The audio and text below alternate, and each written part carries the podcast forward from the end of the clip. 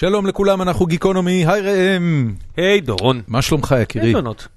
ל"ג בעומר שמח לך. שרפת? משהו? אה, טכנית זה היה אתמול בערב. זאת אומרת, ל"ג בעומר התאריך הקלנדרי היה אתמול בערב. עדיין עושים את הקטע הפגאני הזה של לשרוף דברים? אה, במידה מסוימת. אתה יודע, זה זה כאילו מסורת מעייפת כזאת של... אה, אתה יודע, גם הדתיים אומרים שזה לא קשור לעולם הרי. לא, זה חג ציוני. זה הציונים יחיו אותו. הוא לא באמת נחוץ. אני, אתה אוהב את ל"ג בעומר? אני לא עשיתי שום דבר שרלוונטי לל"ג בעומר. אה, אתה אוהב את הקונספט של ל"ג בעומר? אה, אתה יודע, אני בכלל לא יודע מה הקונספט, מה זה, כאילו לעשות מדורה, זה העניין, אני אוהב אש, אש זה, אש זה כיף. אוהב אש. כן, אש זה fun. היה לי פעם תחביב של להצית מטוסים מנייר ולהטיס אותם מהזה. למשל, כן. אני הייתי עושה רקטות מגפרורים ונייר כסף. We're nowhere. We're going nowhere with this. כן. טוב, אמ, ממש לפני שנתחיל, יש לי חוב קטן מהפרק הקודם אה, והתנצלות במהלך הפרק הקודם, שבו דיברנו הרבה עם אה, זיזו אבול הווה על... אמ, על גאווה ועל מצעד הגאווה ושמה של שירה בנקי הוזכר ואני ציינתי ששירה בנקי הייתה לסבית וטעיתי. זה לא נכון, שירה בנקי הייתה אה, לא הומוסקסואלית, לא אה, חברה פעילה בקהילה הגאה, אה, והנוכחות שלה במצעד הגאווה הייתה למטרת סולידריות. זה היה חשוב לכמה מאזינים לציין בפניי ואני מקבל את הטעות ומעביר אותה אליכם. אה, חוץ מזה, ממש לפני שנתחיל, נספר בקצרה על שני הפודקאסטים האחרים שראם אה, מנחה, אה, בכל יום נתון וציון שלוש. ציון שלוש יש לנו פרק מאוד מאוד מיוחד שכנראה נקליט אותו כבר מחר, כי יום שלישי אני כבר לא אהיה פה, אני טס לכמה ימים. אנחנו פרסמנו את הסקר השנתי של ציון שלוש. יוני עושה את זה ממש ממש טוב, הסקר מפלח לפי אה, איזו קבוצה אתה אוהד, ואנחנו יודעים שהמון אנשי תקשורת עשו אותו בשושו, כי יש שם גם שאלות כמו, מי איש תקשורת אהוב עליך? מסוג הדברים שאנחנו אוהבים ש... to start a fire. מה עם בכל יום נתון? ובכל נתון, אחד מאנשי התקשורת הכי טובים שיש פה, דסקל. ואני אה, קצת עצבנתי את דסקל ביום שישי האחרון, אה, לא הקלטתי את העשר דקות הראשונות, קלטתי שהוא מאוד התעצבן עליי, אז הקלטנו אותם שוב, ופשוט כיף, זה, אחלה פרק ויש לו מספרים כבר נהדרים, דיברנו, עם אבי למקי על כדורגל איטלקי, אוהד יובל נורא מפורסם, ואחרי תקופה ארוכה שלא דיברנו על כדורגל איטלקי וקצת חטפנו בראש על זה, הקדשנו 40 דקות לכדורגל איטלקי. יפה מאוד. אמ, עד כאן, אה, הפרק שלנו היום הוא עם רוני קובן. רוני קובן אה, הוא עיתונאי, אה, עושה כתבות בעובדה, עשה סדרה דוקומנטרית בשם 24 שעות עם... אה, והוא, הקריירה שלו היא כבר לדעתי של משהו באזור ה-15 שנה. לאחרונה, כפי שגילינו זה בעצם היה בשש השנים האחרונות, הוא הפיק ביחד עם אה, שותפים סדרה בשם אה, חיים שכדוגמתם לא ראינו מעולם, אה, ביוגרפיה על חנוך לוין. אה, ארבעת הפרקים שודרו לאורך החודש האחרון וריגשו אותי עד מאוד, ולכן גם ביקשתי מרוני שיבוא להתארח. קבלו בבקשה את רוני קובן.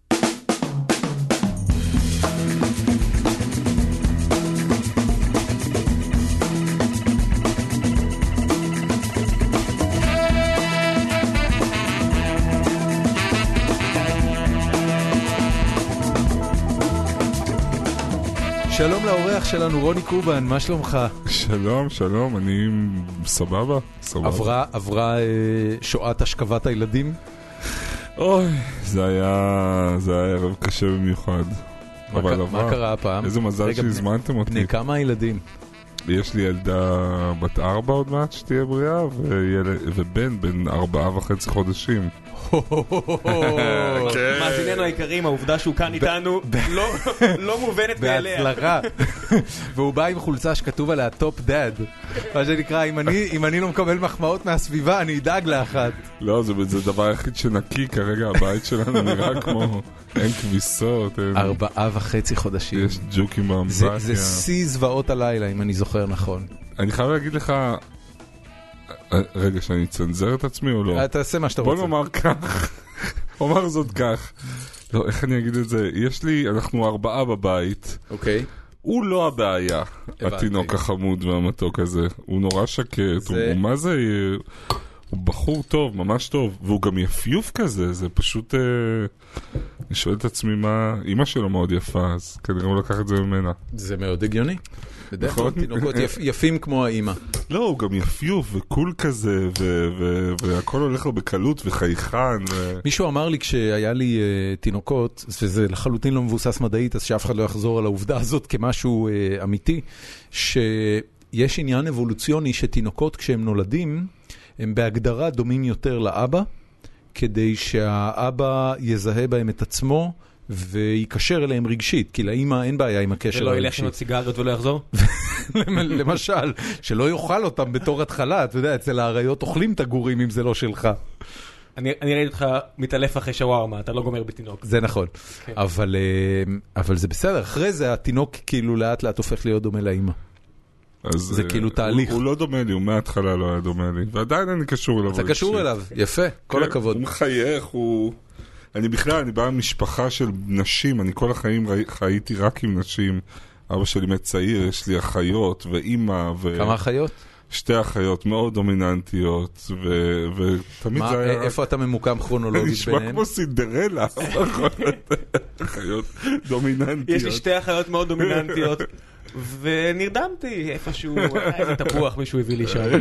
אה, חברים, הצלחתי לפתוח את שלוש הבירות בלי אה, לשבור לעצמי אצבע לחיים. תודה רבה שבאת. ותודה רבה בכיף. הבירה הישראלית אה, ג'יימס, פתח תקווה. נכון, ולסמסונג שמארחים אותנו פה. הסיבה שבגללה עליתי מולך זה חנוך לוין. ולא ידעתי בהתחלה שאתה מעורב בסדרה, זאת אומרת, אה, יש עוד שתי יוצרות שעשו ביחד איתך את אה, חיים שכדוגמתם לא ראינו מעולם. שרון, אתה רוצה להזכיר את שמותיהם? כן, לא בטח, זוכר. שרון קרני האלוהית המדהימה, האישה, אחת הנשים הכי חכמות שאני מכיר, ובטלוויזיה בטח, ורן לנדאו, שהוא יוצר, הוא אחלה גבר, והוא במאי, והוא ושרון אה, הם האבא והאימא של הפרויקט הזה, אני חצי צנדק, חצי דוד. זה, זה, זה כאילו, זה באמת הגיע משום מקום. זאת אומרת, אני מחזיק מעצמי אה, מעריץ אה, מושבע של חנוך לוין, ופתאום הדבר הזה הגיע בלי שום הכנה מוקדמת, או לפחות לא כזו שאני ראיתי. כמה זמן עבדתם על זה? וואו, עבדנו על זה שש שנים. שש שנים? כן, זה היה כמו הפודקאסט הזה בשבילכם, זה היה מקום ש... אל תחמיא לנו. לא משל... אני מבקש. אוקיי, זה ממש, כן, זה... לא, אני אומר, התכווץ, ברור שזה מדובר באבן דרך תרבותית, ופה זה כן. שני גברים עושים נפ- עושים נפיחה כיף של אחר במרתף. הצהריים. כן, בוא. אבל, ועדיין, בשביל זה היה משהו שדי עשינו בשביל הכיף, הוא לא בדיוק שילם לנו, לא, ולא האמנו ש- שאת המעט שמשלמים נותנים לנו בשביל לעשות דבר שבאמת עניין אותנו כל כך, ו... ו- רגע, שש שנים אחורה, אנחנו מדברים על שנת 2011. 2011. אף אחד- אף אחד עוד לא- אף אחד עוד לא מנסה להרוג את רשות השידור. נכון, להפך, אין לך ילדים. אין לי ילדים, רק הכרתי את אשתי, ודפני יוצאת לרחוב עם אוהל, וה- ואני זורח מרוב אושר, גם מהפכה חברתית, גם הכרתי בחורה שהיא באמת, אני לא מאמין שהיא רוצה אותי, ואז שרון אומרת לי, זה הזמן לחשוב על רעיונות מגניבים לטלוויזיה, ואני אומר לו, ברור, ואז אנחנו יושבים בבית איפה קפה. הכרתם? אני ואשתי או אני לא, אתה ושרון? ושרון. אה, אני ושרון, שאלה מצוינת, אנחנו מכירים כבר המון המון שנים, אה, אני לא זוכר בדיוק מאיפה. שרון אוקיי. יש תוכן די ותיקה בטלוויזיה, ומגניבה אחת שראתה כבר הכל. וזהו, ואמרתי לה, תשמעי, ישבנו על קפה, אמרתי לה, בואי נעשה, ו- ואני חייב להגיד לכם, שלושת או ארבעת הרעיונות שעלו באותה פגישה, כולם קרו.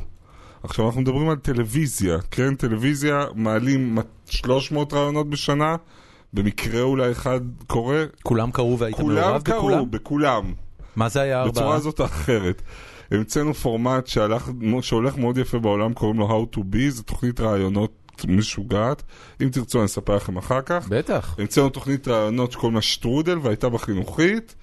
המצאנו עוד משהו שאני כבר לא זוכר מה זה היה, אבל היו ארבעה, ובסוף אמרתי תשמעי, בשביל... אה, היא אמרה לי, שמע רוני, אנחנו רוצים לעשות משהו לערוץ אחד. יש להם מכרז, אחרי שנים יש להם מכרז, ואומרים שאף חברת הפקה לא מצליחה להיכנס לערוץ אחד, אומרים שרק אם משחדים אותם, או מכירים, או שוכבים עם מישהו, מצליחים להיכנס. אתה כבר מוריד חולצה ואומר, עם מי אני צריך לעשות את זה? אמרתי שרון, יאללה.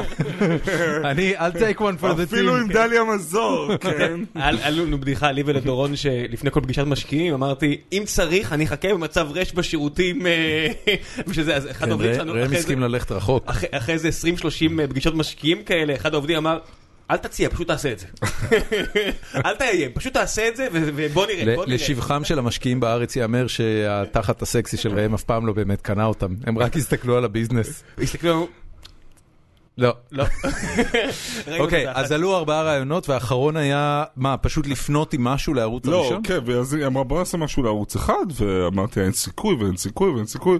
אז אמרתי, טוב נו, אם אין סיכוי בוא תחשוב על הדבר שהכי מעניין אותך לעשות, כי גם ככה אין סיכוי, אז בוא נגיש לשם שינוי משהו שאנחנו במאה אחוז אוהבים ומאמינים בו, ויודעים שאין- שהוא לא יקרה. ואז אמרתי, הסדרה על חנוך לוין, הסתובבתי עם הרעיון הזה, אני...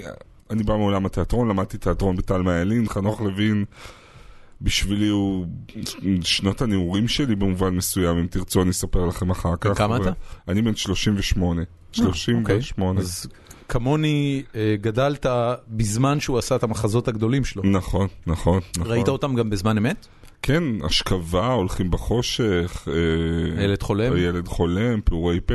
הילד חולם זה הדבר, אה, אני לא חושב שמה שראיתי, אבל למדה איתי בכיתה מישהי שאבא שלה ביים לטלוויזיה. את הילד- ההפקה של הילד חולם. כן, הייתי אז בכיתה ח', כן. קראו לה נטע, והיא אמרה לי, תשמע, אבא שלי רוצה לבוא להבימה, אבא שלי מצלם משהו. עכשיו, אני מבית שאבא שלי היה לו חנות לחומר בניין, ואימא שלי מורה, אז אמרתי לה, נשמע כן, מעניין. תשמעי, אני אבוא להבימה לראות אם מצלמים משהו. ונכנסנו, זה היה באולם רובינה, והתיישבנו, ואז הייתה הפסקה, ואז בא בחור נחמד עם משקפיים, ושאל אותנו אם אנחנו רוצים להצטרף אליו לדג מלוח וקרקרים. זה היה חנוך לוין. אוי ואבוי. וואו. רק היום אני יודע, זאת אומרת, ככה התחלתי עם חנוך לוין, בעצם, כשאני. חושב על זה, לא לא בלראות. באמת, הוא היה- הוא הוא ממש היה אוכל דג מלוח כן, וקרקרים כן, בהפסקה? כן, כן. והתחלתי לא בלראות משהו שלא היה בלפגוש אותו. אני, אני אספר לכם משהו על, אוקיי. למאזיננו ש, שהם לא אשכנזים מספיק, אז הם לא יודעים את זה. הקונספט של דג מלוח וקרקר הוא אבן יסוד בחיים של אשכנזי.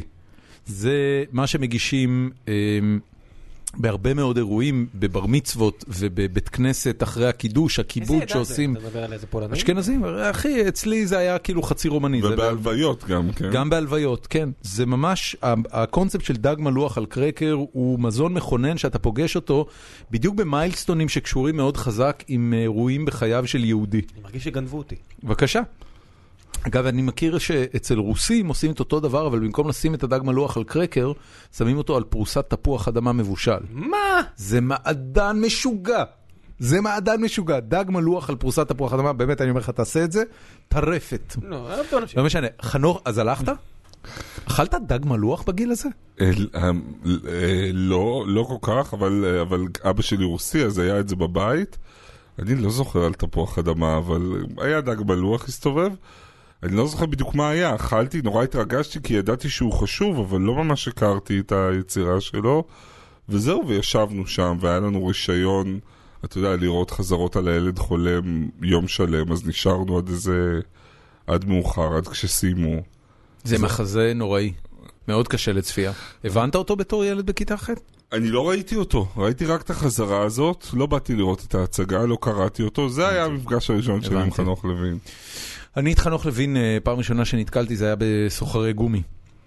ובקריאה של סוחרי גומי, ובכלל גם היה לנו אה, ספר כזה בבית של אה, כל הטקסטים הקצרים והמאוד מצחיקים שלו. הוא היה בעיניי, יותר מכל דבר אחר, הוא, הוא כאילו, אני נחשפתי לחנוך לוין המצחיק. הוא התחיל להיות יותר ויותר קודר ככל שהוא התקדם בשנים, והילד חולם היה תפנית, ואחרי זה גם השכבה וגם מלאכת החיים, זה הכל כבר מחזות מאוד קודרים. השמחת חיים המסוימת שעוד הייתה אצלו בהתחלה נעלמה. אמ, אבל, אה, אבל סוחרי גומי היה מצחיק, אתה יודע, וזה גם, זה גם משהו שאתה בתור ילד, אה, סוחרי גומי זה סיפור על, אה, אני לא זוכר, הם, הם אב ובנון, לא? לא? או שהם כן, שני על אחים? אבא שמוריש לבן שלו כן, המון המון קונדומים. קנדונים קראו לזה. קונדונים, ככה זה מתחיל. ו- והוא תקוע עם הסטוק הזה של הקונדומים, ובדרך הם כמובן עוברים את כל הסאגה הלווינית הסטנדרטית, שחולמים על עולם טוב יותר ועל אישה יפה יותר, ו- ו- ובסוף נשארים בישראל, שזה תמצית הדג מלוח על קרקר. זה הסיפור. מישהו צריך להגיד לניסן שור. כן, אתה יודע, ניסן שור, אה, ניסן שור בצורה מאוד לא מוכשרת ומאוד לא מבדרת, מגלם בדיוק את. אותה... אני מצטער, אבל הוא באמת... לפי דעתך, יש הרבה אנשים שחושבים שזה מאוד... בהשוואה אה, לחנוך לוין, אני לא חושב שזה לפי דעתי. בסדר, אז זה כמו להשוות את- למייקל ג'ורדן, אתה יודע. אז אני באמת לא משווה, אתה יודע, זה לא... אני אשתוק. כן, זה הכל. אמ, איך, אה, איך, אה, זאת אומרת, מה היה הפעם הבאה אחרי זה שגילית את חנוך לוין? אמ, אני, אני לא זוכר כרונולוגית, אני זוכר את, את זה בבום אחד בכלל. אה, אני אספר לכם קצת קודם, זה קצת יהיה שילוב בין האישי ל- לחנוך, תעשה את בסדר? זה. חנוך ואני, מה שנקרא. אבל אני ככה, ואני כן, והמנוח. סליחה, כן, זהו, כמו, ש, כמו בהלוויה של שואו ביזנס, אתם יודעים. אה, אבל אין לי ברירה, ככה חוויתי את זה. אכלנו כמה דברים טובים, כן, שתינו כמה. דברים הנה, טובים. אכלנו דג מלוח, כן. התחלתי מזה. אה, אבל אני באתי לבחינות לטלמה ילין, שקלתי אז בערך כמו היום. אה, נכנסתי לחדר אה, והצטרפתי, באתי בכיתה ט' לבחינות, אבא שלי התנגד כי הוא חשב שבבוהמה מעשנים סמים ו- ועושים אורגיות. מה שנכון. למה לא לפרגן לבן?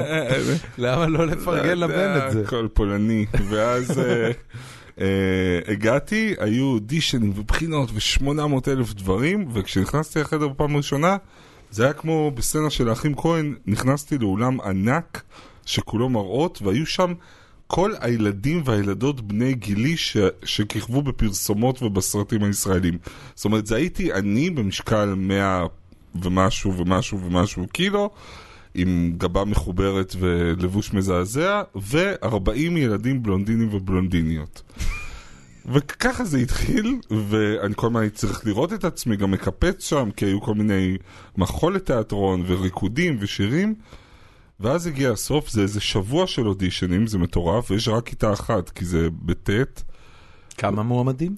היו המון. ואז נכנסו אה, האחראים לכיתה, ו... ו... את אלה שהתקבלו. והתקבלנו רק שניים, אני ועוד בחור, שגם הוא לא היה בלונדיני.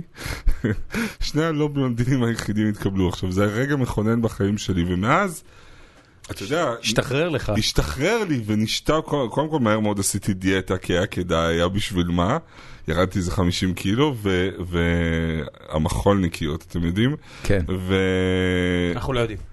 אמ- אמרנו כן, אבל זה מה לא... מה אתה לא יודע? אבל אתה- יודע, אחי. טל מעלין, אתה רואה כמה, למי שאוהב תיאטרון, אתה מוקף ביופי מכל הסוגים, יש פסנתר בכל כיתה, אתה רואה כמה הצגות שאתה רוצה, וראינו המון, כל חנוך לוין שיצא, למדנו אותו. אני זוכר את פעורי פה אותי וחבר טוב שלי, שי בן עטר, שהיום הוא תסריטאי מאוד מוכשר, יושבים שעות עד אמצע הלילה ומנתחים איזו הצגה שלו. יו, איזה פשן לתיאטרון. כן, היה לנו פשע מטורף, גם ממקום חברתי, גם אנחנו נקים פה תיאטרון, אנחנו נשקף לחברה את עצמה, ותחשוב שחנוך לוין עוד חי והוא מביים, ולמי שראה אותו, הוא, הוא היה במאי לא פחות מוכשר ממה שהוא היה מחזאי. זאת כן. אומרת, אני אמרתי איפשהו ש, שזה היה שילוב בין...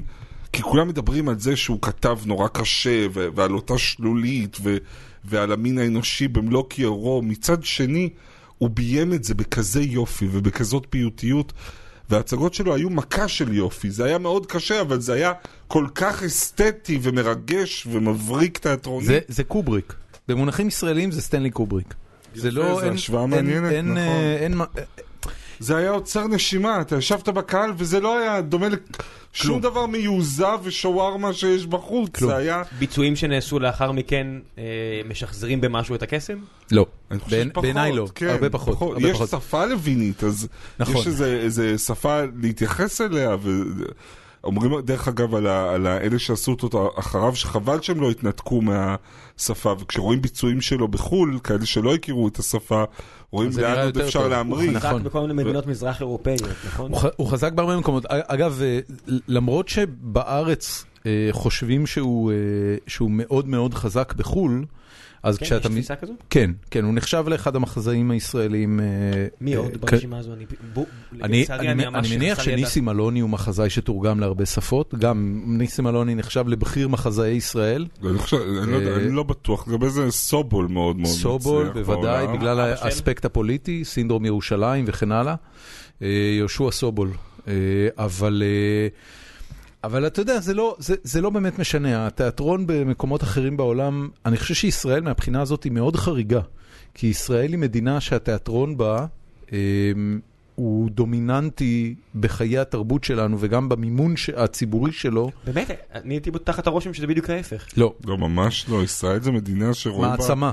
תיאטרון יותר מכדורגל, תמיד נועם סמל אוהב. להשתמש ב... תקשיב, מתוך, לא, מתוך, כאחד שרואה מלא כדורגל ישראלי, זה לא איזה גלי גדול, זה לא חוכמה. לא, מתוך uh, תקציב התרבות הכללי, משרד התרבות כולו, שזה לדעתי היום עומד על משהו כמו 300 מיליון שקל, 100 מיליון שקל זה רק תיאטרון. אמור להיות איזה אחוז מהתל"ג או משהו כזה. זה, מה- מספר משוגע בהשוואה לתחומי תרבות אחרים. בעולם.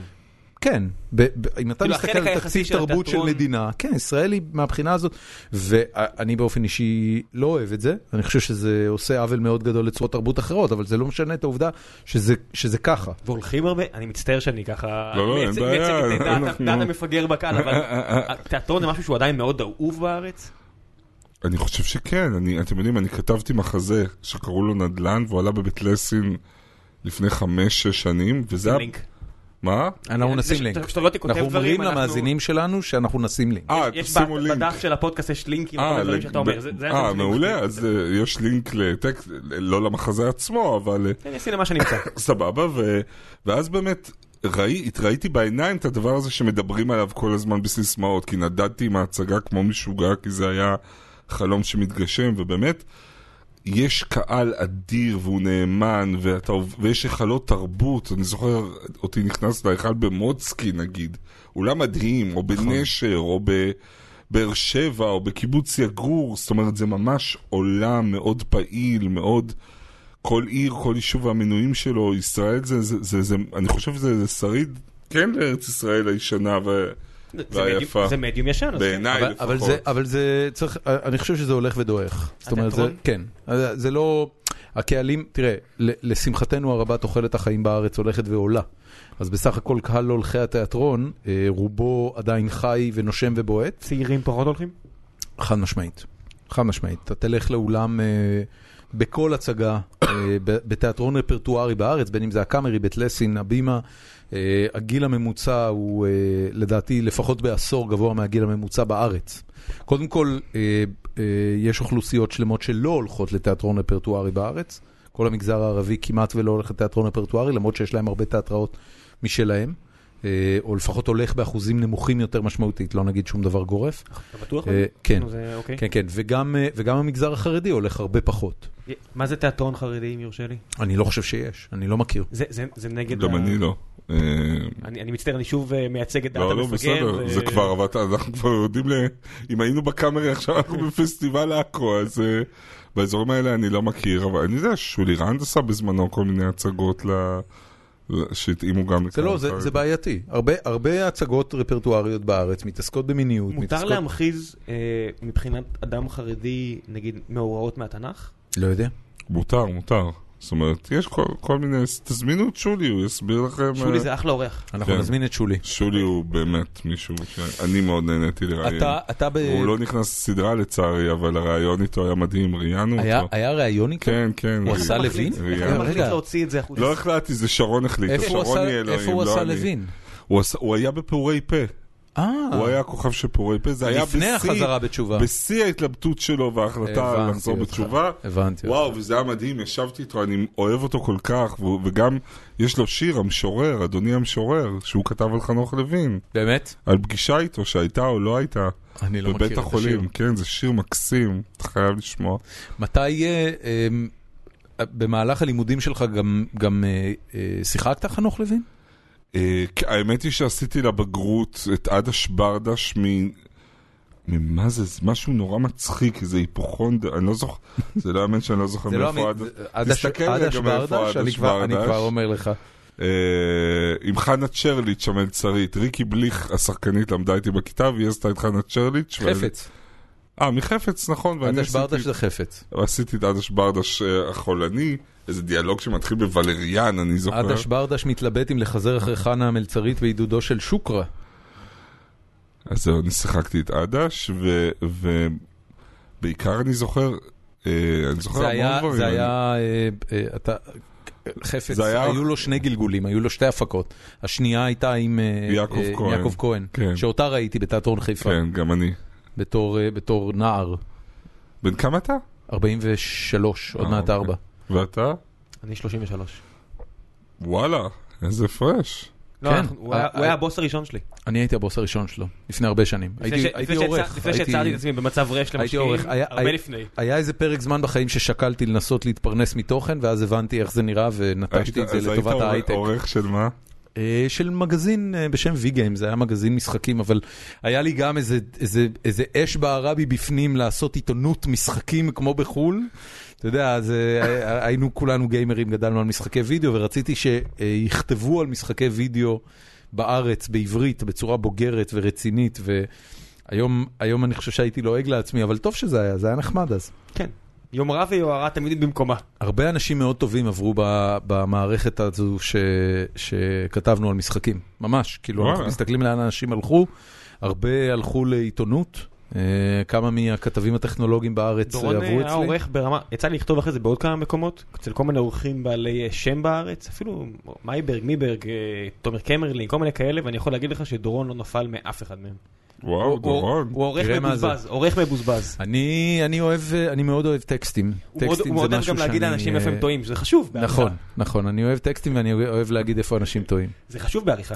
אבל הוא אתה מאבד, אתה מאבד את זה עם השנים, אתה בטח יודע את זה, אתה מפסיד, אתה, אתה נהיה הרבה יותר צנוע, אה, כשאתה מתחיל להבין כמה אתה לא באמת יודע, אה, כן, כן. או שלא. איך אתה, בוא אתה, נגיד שאני שאתה באמת- אני מאוד מזדהה עם העניין שאתה מתחיל לאט לאט להבין כמה מעט אתה באמת יודע. במיוחד אחרי שנהיים לך ילדים, ואני לפחות, והכל, כל העולם נברא מחדש לטובה ולרעה, אבל אה, חכה שהם יהיו בבית ספר. וואי וואי וואי. עזוב, זה, זה אתה- באמת, אתה מגיע ליום קשה. זה, כן, אני, אני עברתי יום קשה בהקשר הזה, אבל וכמה ילדים שלך? אה, שמונה ושש, מה, בנים? ב- בן ובת, אה, בן ובת, בן שמונה. בת שש, והעניין הזה של אה, מה שהם עוברים בשעות שהם לא איתך, ככל, ש, ככל שאתה מתקדם בחיים, אתה יודע, עכשיו אה, לצורך העניין אתה רואה את הילדים הרבה. והם גם מאוד זקוקים, הם, הם הולכים ומתקדמים לאט לאט, בגיל שמונה הם כבר uh, צריכים אותך בערך לשלוש-ארבע שעות ביום, כל היתר את הנטל, ו, וככל שזה מתקדם הם צריכים אותך פחות, באיזושהי נקודה אתה מאה אחוז נטל, אתה מהבוקר עד הלילה, נטל. מ- מקמעה עד שינה, אתה רק נטל על החיים. שלהם. ו... למה העולם הזה כזה עצוב? הוא לא עצוב, אני חושב, תראה, קודם כל הוא עצוב בגלל שאנחנו... אמ, מתבגרים ומזדקנים. אני, אני חושב שזה בגלל משהו אחר. היחס ל, לילדים הוא מאוד שונה ממה שהביולוגיה מכתיבה. אתה יודע, ילדים לצורך העניין מגיעים לבגרות מינית בגיל 13-14. אמ, אם היינו הולכים לפי מה שהטבע מכתיב, אז אה, הדינמיקות היו נראות אחרת לגמרי. זאת אומרת, ילדים היו אה, במאות אחרות בהיסטוריה של המין האנושי, היו מתחתנים בגיל הרבה יותר צעיר, היו מביאים ילדים בגיל הרבה יותר צעיר, היו חיים הרבה פחות. אה, אנחנו, אנחנו חיים בתקופה שהיא אה, אנומליה מאוד מאוד גדולה, גם תוחלת החיים היא עצומה, גם אה, ילדים מבלים עם הוריהם באותה מסגרת משפחתית, או מה שזה לא יהיה, 20, 25, 30 שנה, סיטואציות שהן כאילו, הן לא, לא בריאות, הן לא ב-DNA שלנו, לפחות כפי שאני תופס אותו. אבל זה, זה מוביל לאתגרים מאוד לא פשוטים. קיצור, לא משנה, היה יום קשה. שורה התחתונה היא שהיה יום קשה. אתה, אתה, אה, איך מכל התהליך הזה שבעצם שואב אותך לתוך עולם התיאטרון, איך אתה מגיע בסוף לעובדה? וואו, ול, ולעיתונות זה- בכלל? גלי צה"ל אני מבין. בסדר, טלמה ילין, בסוף מגיעים לגלי צה"ל, זה, זה לא שתלך להיות בתותחנים. יש לו קול של דארט ויידר, אתה מדבר בדיוק, איתי על... אה, בדיוק. לא. אני בכלל לא רציתי להיות בגלי צה"ל, ממש לא, לא עניינה אותי מה, תקשורת. גם אותך דפקו בגל"צ? עניין אותי, עניין אותי רק תיאטרון, לא, ממש לא הייתי... זה אבא שלי, אבא שלי, אה, מה שקרה זה שקיבלתי ב... אתם לא קראתם עליי כלום, אה? כי סיפרתי את הסיפור הזה המון פעמים, אבל אני אספר כל- לכם. קודם כל אנחנו זה- מרימים לך. צא מנקודת הנחה כדי שרוב. המאזינים לכל הפחות לא... אין בעיה, אז אה, אה, אני רציתי רק תיאטרון ולהיות בתיאטרון וכוכב תיאטרון ומשחק וכולי, והיה לי פרופיל נמוך וקיבלתי במנילה את, את האופציה לגלי צה"ל. ולא הסתכלתי בכלל על המנילה, כי ידעתי שאני אעשה תיאטרון ואולי אני בכלל לא אתגייס. יש תיאטרון לצה"ל? יש תיאטרון צה"ל, כן, ואז אבא שלי כמובן פתח את המנילה והוא ראה גלי צה"ל, ומבחינתו הוא היה עולה חדש, והתחבאו בבית ברוסיה כשהצנחנים שחררו את הכותל. גלי צה"ל הדליק אצלו איזה אה, משהו כמו בסרטי מדע בדיוני, אה, אה, אה, אה, אה, אה. ו... קבלה- ואז- קבלה חברתית לאליטה. כן, להיות התחלה. ישראלי בדיוק. לגמרי. כן. ואז הוא, הוא התקשר לגלי צה"ל וגילה שהבחינות, קיבלתי את המנילה ביום שישי, הייתי עם חברים בים המלח, והוא גילה שהבחינות הן ביום ראשון. אז הוא אמר, רגע, אם הוא ישלח את המנילה וזה, אין סיכוי, עשיתם פה פאשלה, הם אמרו לו מצטערים וזה ופה, או שהבחינות היו ביום שני. ואז הוא נסע לים המלח, תפס אותי בשערות, גרר אותי ביום ראשון, זאת אומרת, הוא, או שעליתי על האוטובוס מים המלח באיזה חמש לפנות בוקר, הוא אסף אותי, גרר אותי לשגת גיוס, צרח, אבא שלי היה איש דרמה קווין משוגע לחלוטין, צרח שאם לא יביאו את ראש מינהל גיוס הוא יקרא לכרמלה מנשה ועושים פה עוול לילד וזה, ואני התחלתי, לא הבנתי מה הוא רוצה ממני. ו- ואני זוכר את ראש מינהל גיוס יוצא החוצה ואת אבא שלי אומר לו, אתה רואה את הילד הזה? אז הוא אומר לו, כן, אז הוא אומר לו, הוא היה בדן שילון. אז הוא אומר לו, מה, במעגל? אז אבא שלי אומר, לא, בקהל. הוא סימן שכתב ביוגרם, לא חשוב. ואז כשהמנהל של הגיוס לא הבין מה קורה במחזה המופרע הזה, אבא שלי הוציא אזיקים ואזק את עצמו לגדר ג'רניום ונתן לי אזיקים ואמר לי, קח בן, רק ככה מתקדמים בארץ הזאת. ומתוך המחזה המופרע לחלוטין הזה, הם, הוא הראה להם את המנילה, את המנילה, הוא קיבל, עשיתם לו עוול, קיבלתי זימון מיד לבחינות לגלי צה"ל. איזה- איזה לקח רע לשאר, אתה יודע, המערכת הצבאית. התק- התקפלת פעם אחת בפני טרוריסט. וכך ביום שני מצאתי את עצמי בבחינות לגלי צה"ל, והתקבלתי. כל הכבוד. זה הסיפור. אתה זוכר את המבחן? אני זוכר, אני זוכר את אבא שלי, אני זוכר את אבא שלי כל כך רוצה, ואותי לא יודע מה לעשות עם הרצון הזה, כי זה לא דיבר אליי, ואקטואליה לא דיברה אליי. אבל ו- ידעת שיש תרבות. אני אומר לך, בא לי לבכות, כי הקונפליקט הזה חי בתוכי עד היום, אז מאיזו בחינה לא, קונפליקט? לא יעזרו כל הפסיכולוגים. שאני משוטט בין אזורים של אומנות ל- לעיתונות, אבל אני לא באמת עיתונאי בנשמתי, זאת אומרת. אבל... מה, מרדף אחרי האמת? מה זה נתפס בעיניך כ... לא, מרדף אחרי האמת זה נתפס בעיניי יותר מקום, דוק- הוא יכול גם להיות מקום דוקומנטרי אומנותי, אבל אתה יודע, עיתונות חשוב חדש ומעניין, סקופים, להביא דבר שהמתחרים שלך לא הביאו. התחרותיות הש- אתה מתכוון? התחרות, כן, המון דברים, ש- שאיכשהו מצאתי את עצמי גם בסוף בעובדה, כן, למרות שאני לא... לא הייתי מישהו חומר קלאסי לעובדה, אבל אה, לא חשוב. מקום שבכל זאת מושך אש יותר מאשר... אה, כן, כן, ואני מאוד אוהב את עובדה, זה מקום נורא יקר לליבי, אבל אני גם מאוד מאוד חריג שם. יש, אם תיכנסו לחדר של עמרי אסנהיים, כן, יש לו את פרס סוקולוב על, הק... על הקיר. לי יש מכתב תודה מיובל המבולבל על כתבה, על הכתבה. שעשיתי עליו. אבל זה בסדר, אתה יודע, אתה-. אתה עושה את ה flavor הספציפי שלך כן, בעובדה, כן, הכתבות הן שונות. אין, אין, אה, זה כמו אבל, שאירחנו אה, פה את אילן... אילן לוקאץ'. אילן- לוקאץ'. אתה צריך, אתה צריך לשבור כדי להעביר לאנשים, בימים שמערכת החדשות לא עסקה בבוקרסט וכאלה, אז נגיד אתה מתעסק בדברים מאוד משמעותיים. אנשים חרדים כבר, בנית אצלם איזשהו סף של חרדה, ובעובדה עשיתם את זה פעם אחרי פעם עם כתבות על הירי ברפיח, וכו' וכו' וכו', ואתה כבר כואב, עומד להתפוצץ לך הלב, אז יש כתבה על יובל הבולבל ומורידה כן, אותך בחזרה. למרות שבשנים האחרונות כבר אין יובל המבולבל, גם אני נכון. עושה ארט, איזשהו סוג אה, פסיכוטי של הארטקור, אבל לא פסיכוטי, אבל אחר, אה, אבל זה- אה, תגיד, אתם... אבל אם נחזור לגלי צה"ל, קדימה. היו שם בחינות, זה קורס טיס של החנונים כזה, כן? אז בחינות קול ובחינות זה, בחינות זה, ובאמת, אם אתה שואל אותי היום, הדבר המרכזי שאני זוכר זה את אבא שלי בחוץ, כאילו, את הרצון, איך הוא נהיה 100% רצון, ואיך אני... זה היה חוויה אופיינית בשבילו? כאילו, אתה אומר דרמה קווין, אבל חווית משהו בכזה לא, סדר הוא, גודל? הוא היה אותו- דרמה קווין, זאת אומרת, בצורה גברית, כן? הוא היה איש מאוד uh, כריזמטי ומאוד... Uh, ומאוד... Uh, או נכנס בקירות, כן, אז הוא, היה, הוא, יכול, הוא, היה, הוא עשה דברים קיצוניים מאוד. תשמע, הוא מת בגיל 46, הוא השאיר אחריו חובות של מיליונים, אבל לא נדבר על כל זה. מה שנקרא live hard, die young, live fast, die young. ברוסית יש את המילה מוז'יק, אתה יודע מה זה? לא.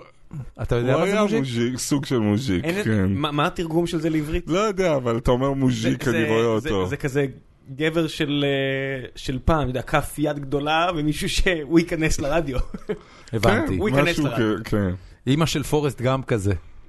אתה זוכר את הסצנה שם? המגנים הוא בסטלינגרד. היה אימא פולניה כן, לגמרי, בגוף המגנים של מוז'יק. כן. כן. בפורסט גאמפ יש את הסצנה שלא רוצים לתת לו להיכנס לבית ספר. רגיל, כי כן. הוא לא מספיק חכם. אז האימא שוכבת עם המנהל, ושומעים צרחות כאילו בבית באמצע הלילה, פורסט גאמפ יושב בחוץ, ואז המורה יוצא וכזה אומר לו, בואנה, אימא שלך ממש אוהבת אותך. ממש אוהבת אותך. בסדר. איך היה בגל"צ? אמ, וואו. תשמע, הייתי בחזרה הגנרלית של השכבה ההיסטורית, אז אה, שתכף נדבר עליה בטח, אז אין לי על מה להתלונן. היה לי לא קל בגל"צ, זה לא מקום קלאסי בשבילי. בשביל אנשים כמוני, אני יודע. מה זה כמוך? מה, יש לך קטגוריה? אה, כן, אני אגיד לך מה, מה גל"צ זה מקום לאנשים יותר אה, חדים, יותר אה, קו ישר כזה, חד עם שפיץ. אני עגול. אוקיי? אוקיי. אם הבנת על מי- מה אני על מי אתה. חושב כשאתה אומר אה, טיפוס? תחשוב על גל"צניקים, כאילו טיפוסים, הם, הם, הם שפיצים, הם? פאנצ'ים, הם אה, עמית אה, סגל נגיד, זה מצגר, גל"צ, ארז טל, אוקיי. אברי גלעד. כן, כן. אנשים נחרצים שמדברים בסימני קריאה. ארז טל ואברי גלעד הם... מאוד נחרצים ומאוד מדברים בסימני קריאה. ראית פעם את אברי גלעד מסיים משפט שהוא לא בסימן קריאה? am I crazy? מאוד יפה, הסימן קריאה זה מאוד נכון. גם אם זה סרקזם, זה עדיין סרקזם עם סימן קריאה בסוף. זה אנשים מאוד נחרצים. ואני מסיים... האם אתה בוגד? אילנה דיין בעצמה, אגב. לא, לא, על אילנה זה יותר מורכב אי- מזה, הלו... אילנה- אה, תקשיב, אילנה, קודם כל אילנה אה, הייתה צריכה להיות כנראה ליטיגטורית, הייתה צריכה להיות אה, אה, עורכת דין מהמעולות. רחמים על הצד השני. אם לא אם לא היו, אה, אם לא הייתה דווקא הולכת אני חייב לעיתונות. להגיד לך, שאני הייתי, אם- אם לא הייתי מכיר את אילנה, הייתי אומר כמוך, שאם העולם מתחלק לעגולים ושפיצים, אבל אילנה לגמרי מהסוג שלי. אחרי באמת? שאתה מכיר אותה, כן. אז כנראה שהפאסון הציבורי שלה הוא קצת טוב, שונה. בוא נביא את אילנה. הס- הסיפור שאני מכיר על אילנה דיין, כן. אה, עשו, עשו, אה, אני לא זוכר אם זה היה 50 שנה לגל"צ או משהו בסגנון הזה, ו- וסיפרו על הראיון שלה לגלי צה"ל, זה סיפור שאתה מכיר? כן, ש- על דרך השלום משהו, בדיוק, תספר אותו, ששאלו כן, אותה, לא זוכר. ששאלו אותה אה, אה, שיש פה ליד אה, רחוב שנקרא אה, רחוב הניצחון, ואם היא יודעת על שם איזה ניצחון זה. אז היא אמרה שלא, אבל שיש אחד ליד, דרך השלום, ואם הוא יודע על איזה שלום זה. שזה בשביל מישהי, אתה יודע, זה, זה גיל 18 בתכלס, בשביל מישהי בת 18 לענות תשובה כזאת, אתה אומר, בואנה, היא לא, היא לא רואה אף אחד ממטר. זה, זה צריך להיות, ב, אני לא יודע אם בגיל 18 הייתי יודע לגמגם משפט כזה, גם היו מכינים לי אותו מראש. אבל בסדר, אילנה דיין. אז, אז מה, שלוש שנים סתם לא היה קל? זה הכל? אה, מה, אני אתלונן על, אתה יודע, הייתי בצבא, קיבלתי מקצוע מהמם בזכות הצבא, ראיתי דברים מדהימים, הייתי, הכנסתי את אבא שלי, הזכרתם פורסט גאמפ, אז הוא נכנס למקומות שהוא לא האמין, המוז'יק הזה, אני זוכר שפעם הזמינו אותם להשקה של ספר על מכבי תל אביב, הוא היה מכביסט מטורף, והוא מצא את עצמו יושב ליד אני לא- אני לא מכיר את השחקנים, אבל... לא לא נזקוף את זה לזכותו, בוא נמשיך. ראם אבל הוא באר שבעי. שמע, הוא ישב בתוכם, ואני זוכר אותו יושב, הוא לקח כמובן ארבע, במקום צלחת אחת איזה ארבע ביחד, והוא יושב ומתפוצץ מרוב מה יש שם פשטידות, ויושב ליד מזרחי, ומסביר לו איזה טעויות הוא עושה אונס, כאילו. זה. מבסוט, זה מוז'יק. זה היה, רק- האמת, אני מספר את זה מעורר געגועים, כי הוא באמת היה מין פרטנר חסר בושה ל... לשנניגנס. כן, אבל תשמע, זה נשמע כאילו, היה לי בעיקר שלוש שנים כאלה מופרעות לחלוטין עם אבא שלי, לא היינו בקשר טוב, הוא לא אהב תיאטרון, הוא לא בא לראות אותי בהצגה אחת ב... בכתה בשקל במטבח, פחות או יותר, כשהנושים הגיעו לדפוק על הדלת. הבנתי. והוא נפטר מתי? הוא נפטר ממש ב... בסוף השירות שלי. בסוף השירות מה, שלי. התקפת לב? כן, דום לב. הוא עישן? בקרוב אצלי, מה שנקרא. לא. כמובן. אתה לא יכול להגיד את זה. זה זה מקנן העניין הזה. לא, אני גם נורא שמן, שמעו. לא קשור לזה. אני אומר, זה מקנן, העובדה, כל, כל אדם מסתכל על הדור שקדם לו, ואומר, אוקיי, זה מה שמחכה לי. אני, אני רואה את זה... זה מאוד, אצלי זה מאוד, הקלישאה של אם תעבור את אבא שלך, אבא שלי מת בגיל 46, אם אני אעבור, אני העולם מבחינתי, וזה וואטסו, אפילו מה פתאום? לא חומר לפסיכולוגים, זאת אומרת זה כל כך חזק אצלי, העולם נגמר בגיל 46. זאת וזה אומרת, לא, וזה לא, אה, זה לא גורם לך לרצות לרזות? מאוד, אני עכשיו עובד על זה, אל תצחקו עליי, אני עובד על זה מאוד מאוד חזק. למה. שנצחק עליו? בזכות אשתי. תזיז את הממתקים. אחי, תראה, יש מולו, אה, יש מולו לא, עוגיות בעוגיות שוקולד, לא נגעתי, פצצה. הבאתי תעיף לי קפה, לא נגע בכלום. אשתי מנסה מאוד לעזור לי, באמת. כן, כי אתה- אומר לה שאתה הולך לעולמך עוד שמונה שנים. כן. למרות שלפעמים זה עושה אותה שמחה. כן, באמצע ריב היא אומרת, יש לי גם "טוב, סבבה, ביטוח זה- חיים זה- רע. זה אבל, העניין, אה, הביטוח חיים, תדאג כן, לביטוח חיים, כן, נשמה. תהיה, אה, אה, בסטארט-אפ שהיה לי ולראם, אז אה, היה לנו אה, מה שנקרא ביטוח נושאי משרה. ו- והייתה נקודה בחיי החברה שבה אם המשקיעים היו מחסלים אותי, הם עוד היו יכולים לראות משהו מהכסף שלהם בחזרה. דורון טס לאיזה סקי שם, ואני אמרתי לו, אחרי תקופה שהתקלבנו מאוד, אז הוא החליט, טוב, אני טס לסקי, ואמרתי לו, עשית ביטוח, נכון? כן. לגמרי, טוב. לגמרי, לגמרי. זה היה כזה, הנה ה-way out. זה זה היה יכול להיות אקזיט, אם רק הם היו יודעים על זה קודם. בקיצור, אה, אה, אחרי גלי צה"ל, מה? אך תשמע, אחרי גלץ אבא שלי מת, כאילו, השאיר אותנו עם חובות של מיליונים. התחילו כמה שנים מה לא קורה? הכי אה, סימפטיות. סל- סליחה שאני כאילו. רגע אחד אה, עוצר ונובר בנקודה הזאת, אבל כשאבא מת, כן. והוא משאיר אחריו חובות. בהנחה של המשפחה איזה, אין איזה נכסים מיוחדים. מה זה, אה, איך זה מגיע אליך? או שזה מגיע רק זה לאימא הגיע שלך? לאימא שלי, וזה הגיע, זה, הגיע, זה התחיל בשבעה, שהגיעו לשבעה כל מיני טיפוסים שלא הכרנו, ולאט לאט הכרנו, זאת אומרת, כל מיני חבר'ה מהשוק האפור.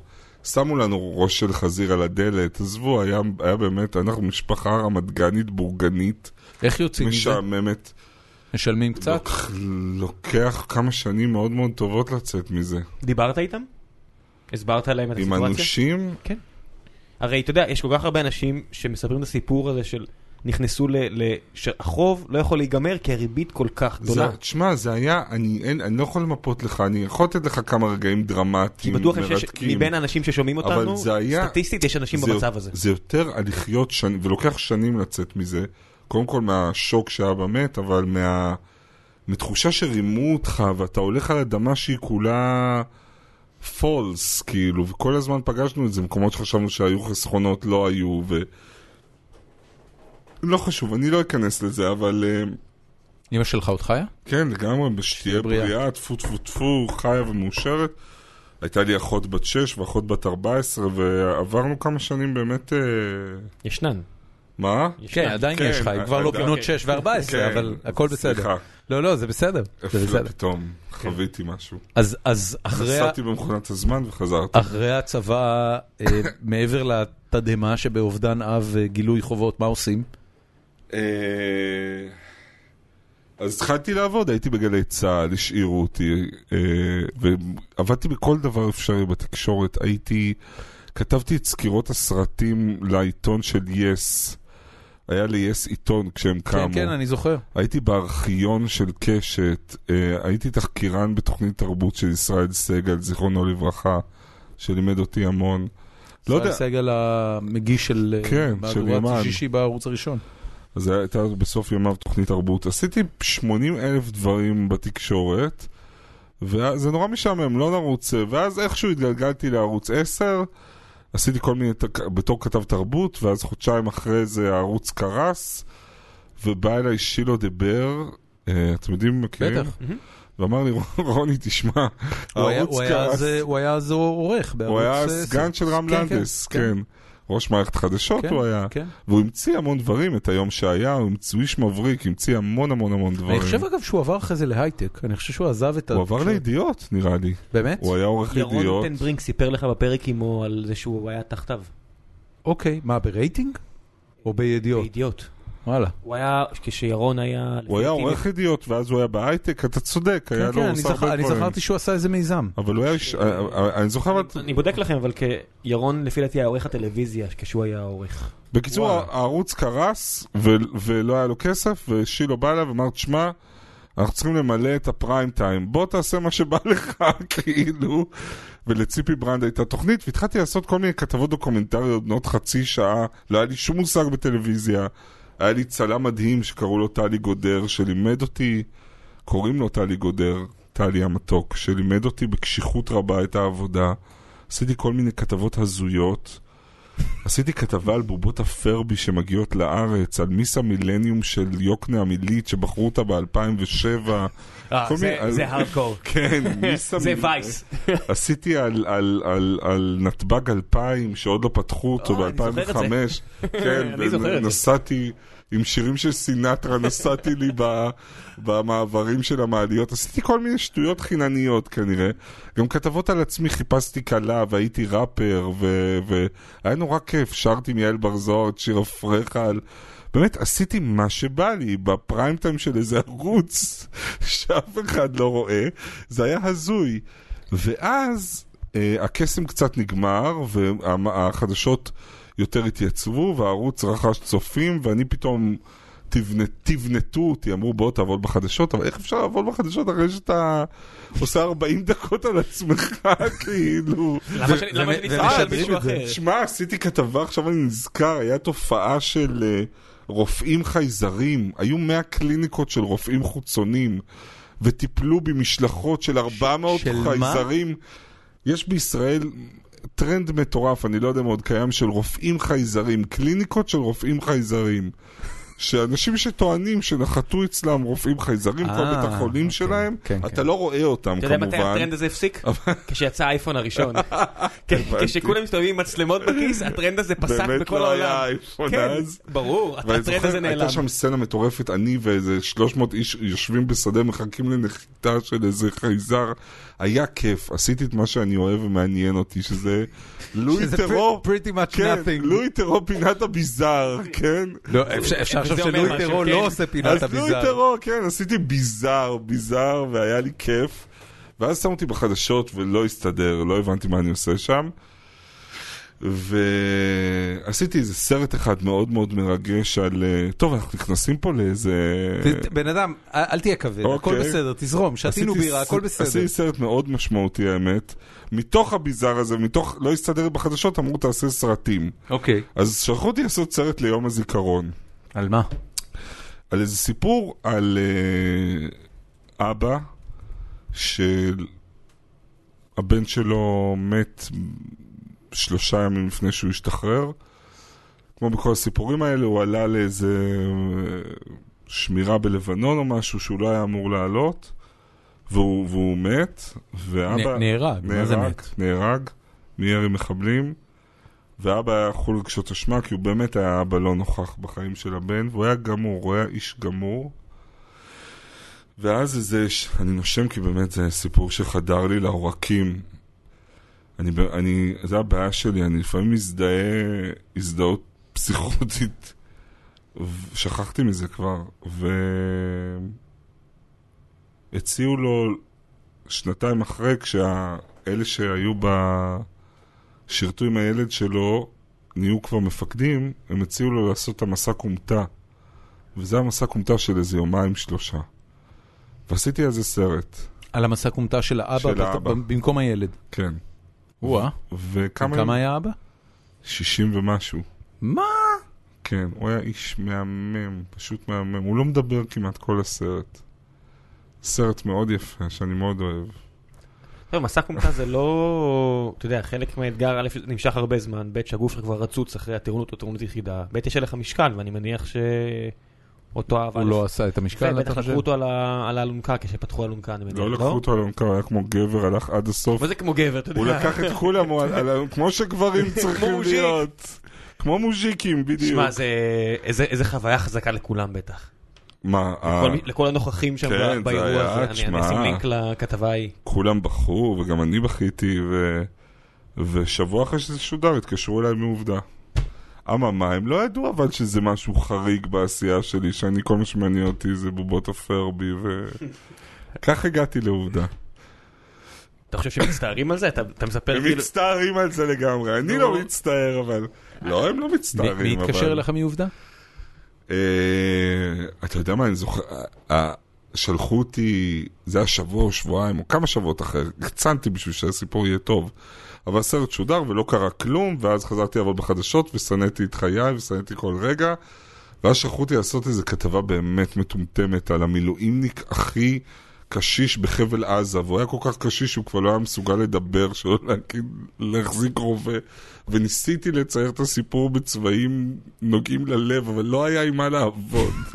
כי האיש היה חצי סנילי, ואני זוכר את עצמי אומר לאנשים שם, איך נותנים לו להחזיק נשק, שזה לא החומרים על כתבה פטריוטית מחממת לב.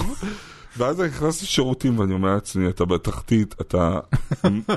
רוני, אתה בתחתית, ועולם התקשורת ואתה, זה נגמר. תשמע, יש, יש הרבה דברים שקשורים לעזה, שמטפטפים לפעמים, שאנשים אומרים, זה באמת היה. כמו ש... אתה זוכר את הקטע עם הצלפים הצ'צ'נים? הצ'צ'נים? לא, זה נשמע לי מוכר, אבל אני לא... היה תקופה שצה"ל העסיק ברצועת עזה צוות של חבר'ה שהיו לוחמים מיחידה מיוחדת ברוסיה ועבדו בצ'צ'ניה.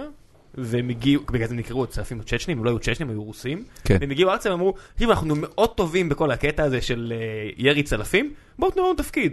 אז צה"ל נתן להם תפקיד. והם פשוט היו בעזה, והם הורידו כמות היסטרית של אנשים. מדהים. ואתה אומר, מה זה, מה זה וייטנאם? אני, אני רואה משהו של אוליבר סטון, זה קורה פה? זה, are you real? אתם מחזיקים נשק רוסי, זה נזה דרגנוב או נשק שקיבלתם מצה"ל? מה זה הדבר הזה? זה סיפור נהדר. ואתה לא, זה לא איזה, זה לא איזה סוד, אני לא, לא, לא, לא, אני לא, אבל, אה, תחפשו הצלפים הצ'לשנים, אתם תקראו על זה, ואתה אומר, זה קרה. שאתם עסקתם במאורע מאוד קשה של, אה, היה שם את הווידוי הריגה בילדה, שעובדה מאוד הסתבכה איתו. סרן רייש. זה, בטח אה, משהו שהוא מאוד אה, אקוטי בחיי עובדה סך הכל, נכון? הוא מאוד אקוטי, זה היה טרום זמני בעובדה, אבל הוא מאוד אקוטי. זה, משהו שהחזיק אה, צלקות, אתה יודע שהשאיר אה, צלקות, מעכשיו בודקים הכל 80 פעם, לא לוקחים סיכונים, או שממשיכים. שמע, אני ש... אני חושב שגם לפני בדקו הכל, זאת אומרת, אין לי, אין לי, אתה יודע, אני עובד בעובדה עשר שנים, וכשאתה עובד במקום עשר שנים, והיו שנים שהייתי בחצי משרה כדי לעשות עוד פרויקטים, אין לי מספיק סופרלטיבים כדי לתאר את המקום הזה. אתה לפעמים, כמו שהבניין הזה שלכם, הוא קצת, כשיצא החוצה אה, מישהו לפתוח לי, הוא אמר זה כמו הוגוורטס של הארי פוטר, אתה עובר ולא. שם לב, אבל כשאתה נכנסת, וזה באמת לוקיישן מטורף. כן, אנחנו צמודים שרונה. לשרונה מרקט, וזה. בניין טמפלרי כזה. עובדה היא מקום כזה שכשעובר מספיק זמן ואתה לא נמצא ואתה חוזר, אתה לא באמת מאמין שהדבר הזה קיים פה בישראל. אז זאת מערכת י- יוצאת דופן של אינדיבידואליסטים, שכל אחד באמת יותר משוגע מהשני.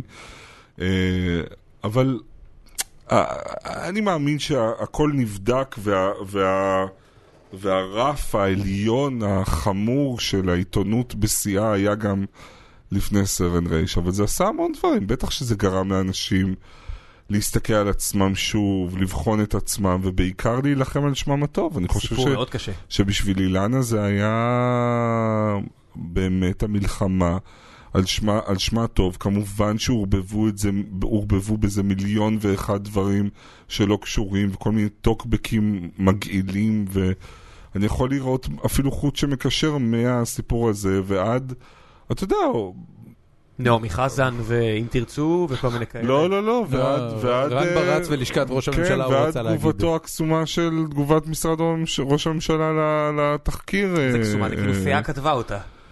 לא פיה כתבה אותה, מסתבר, כן. היה- אבל- היה- היה דיון על התגובה הזאת? היית בדיון?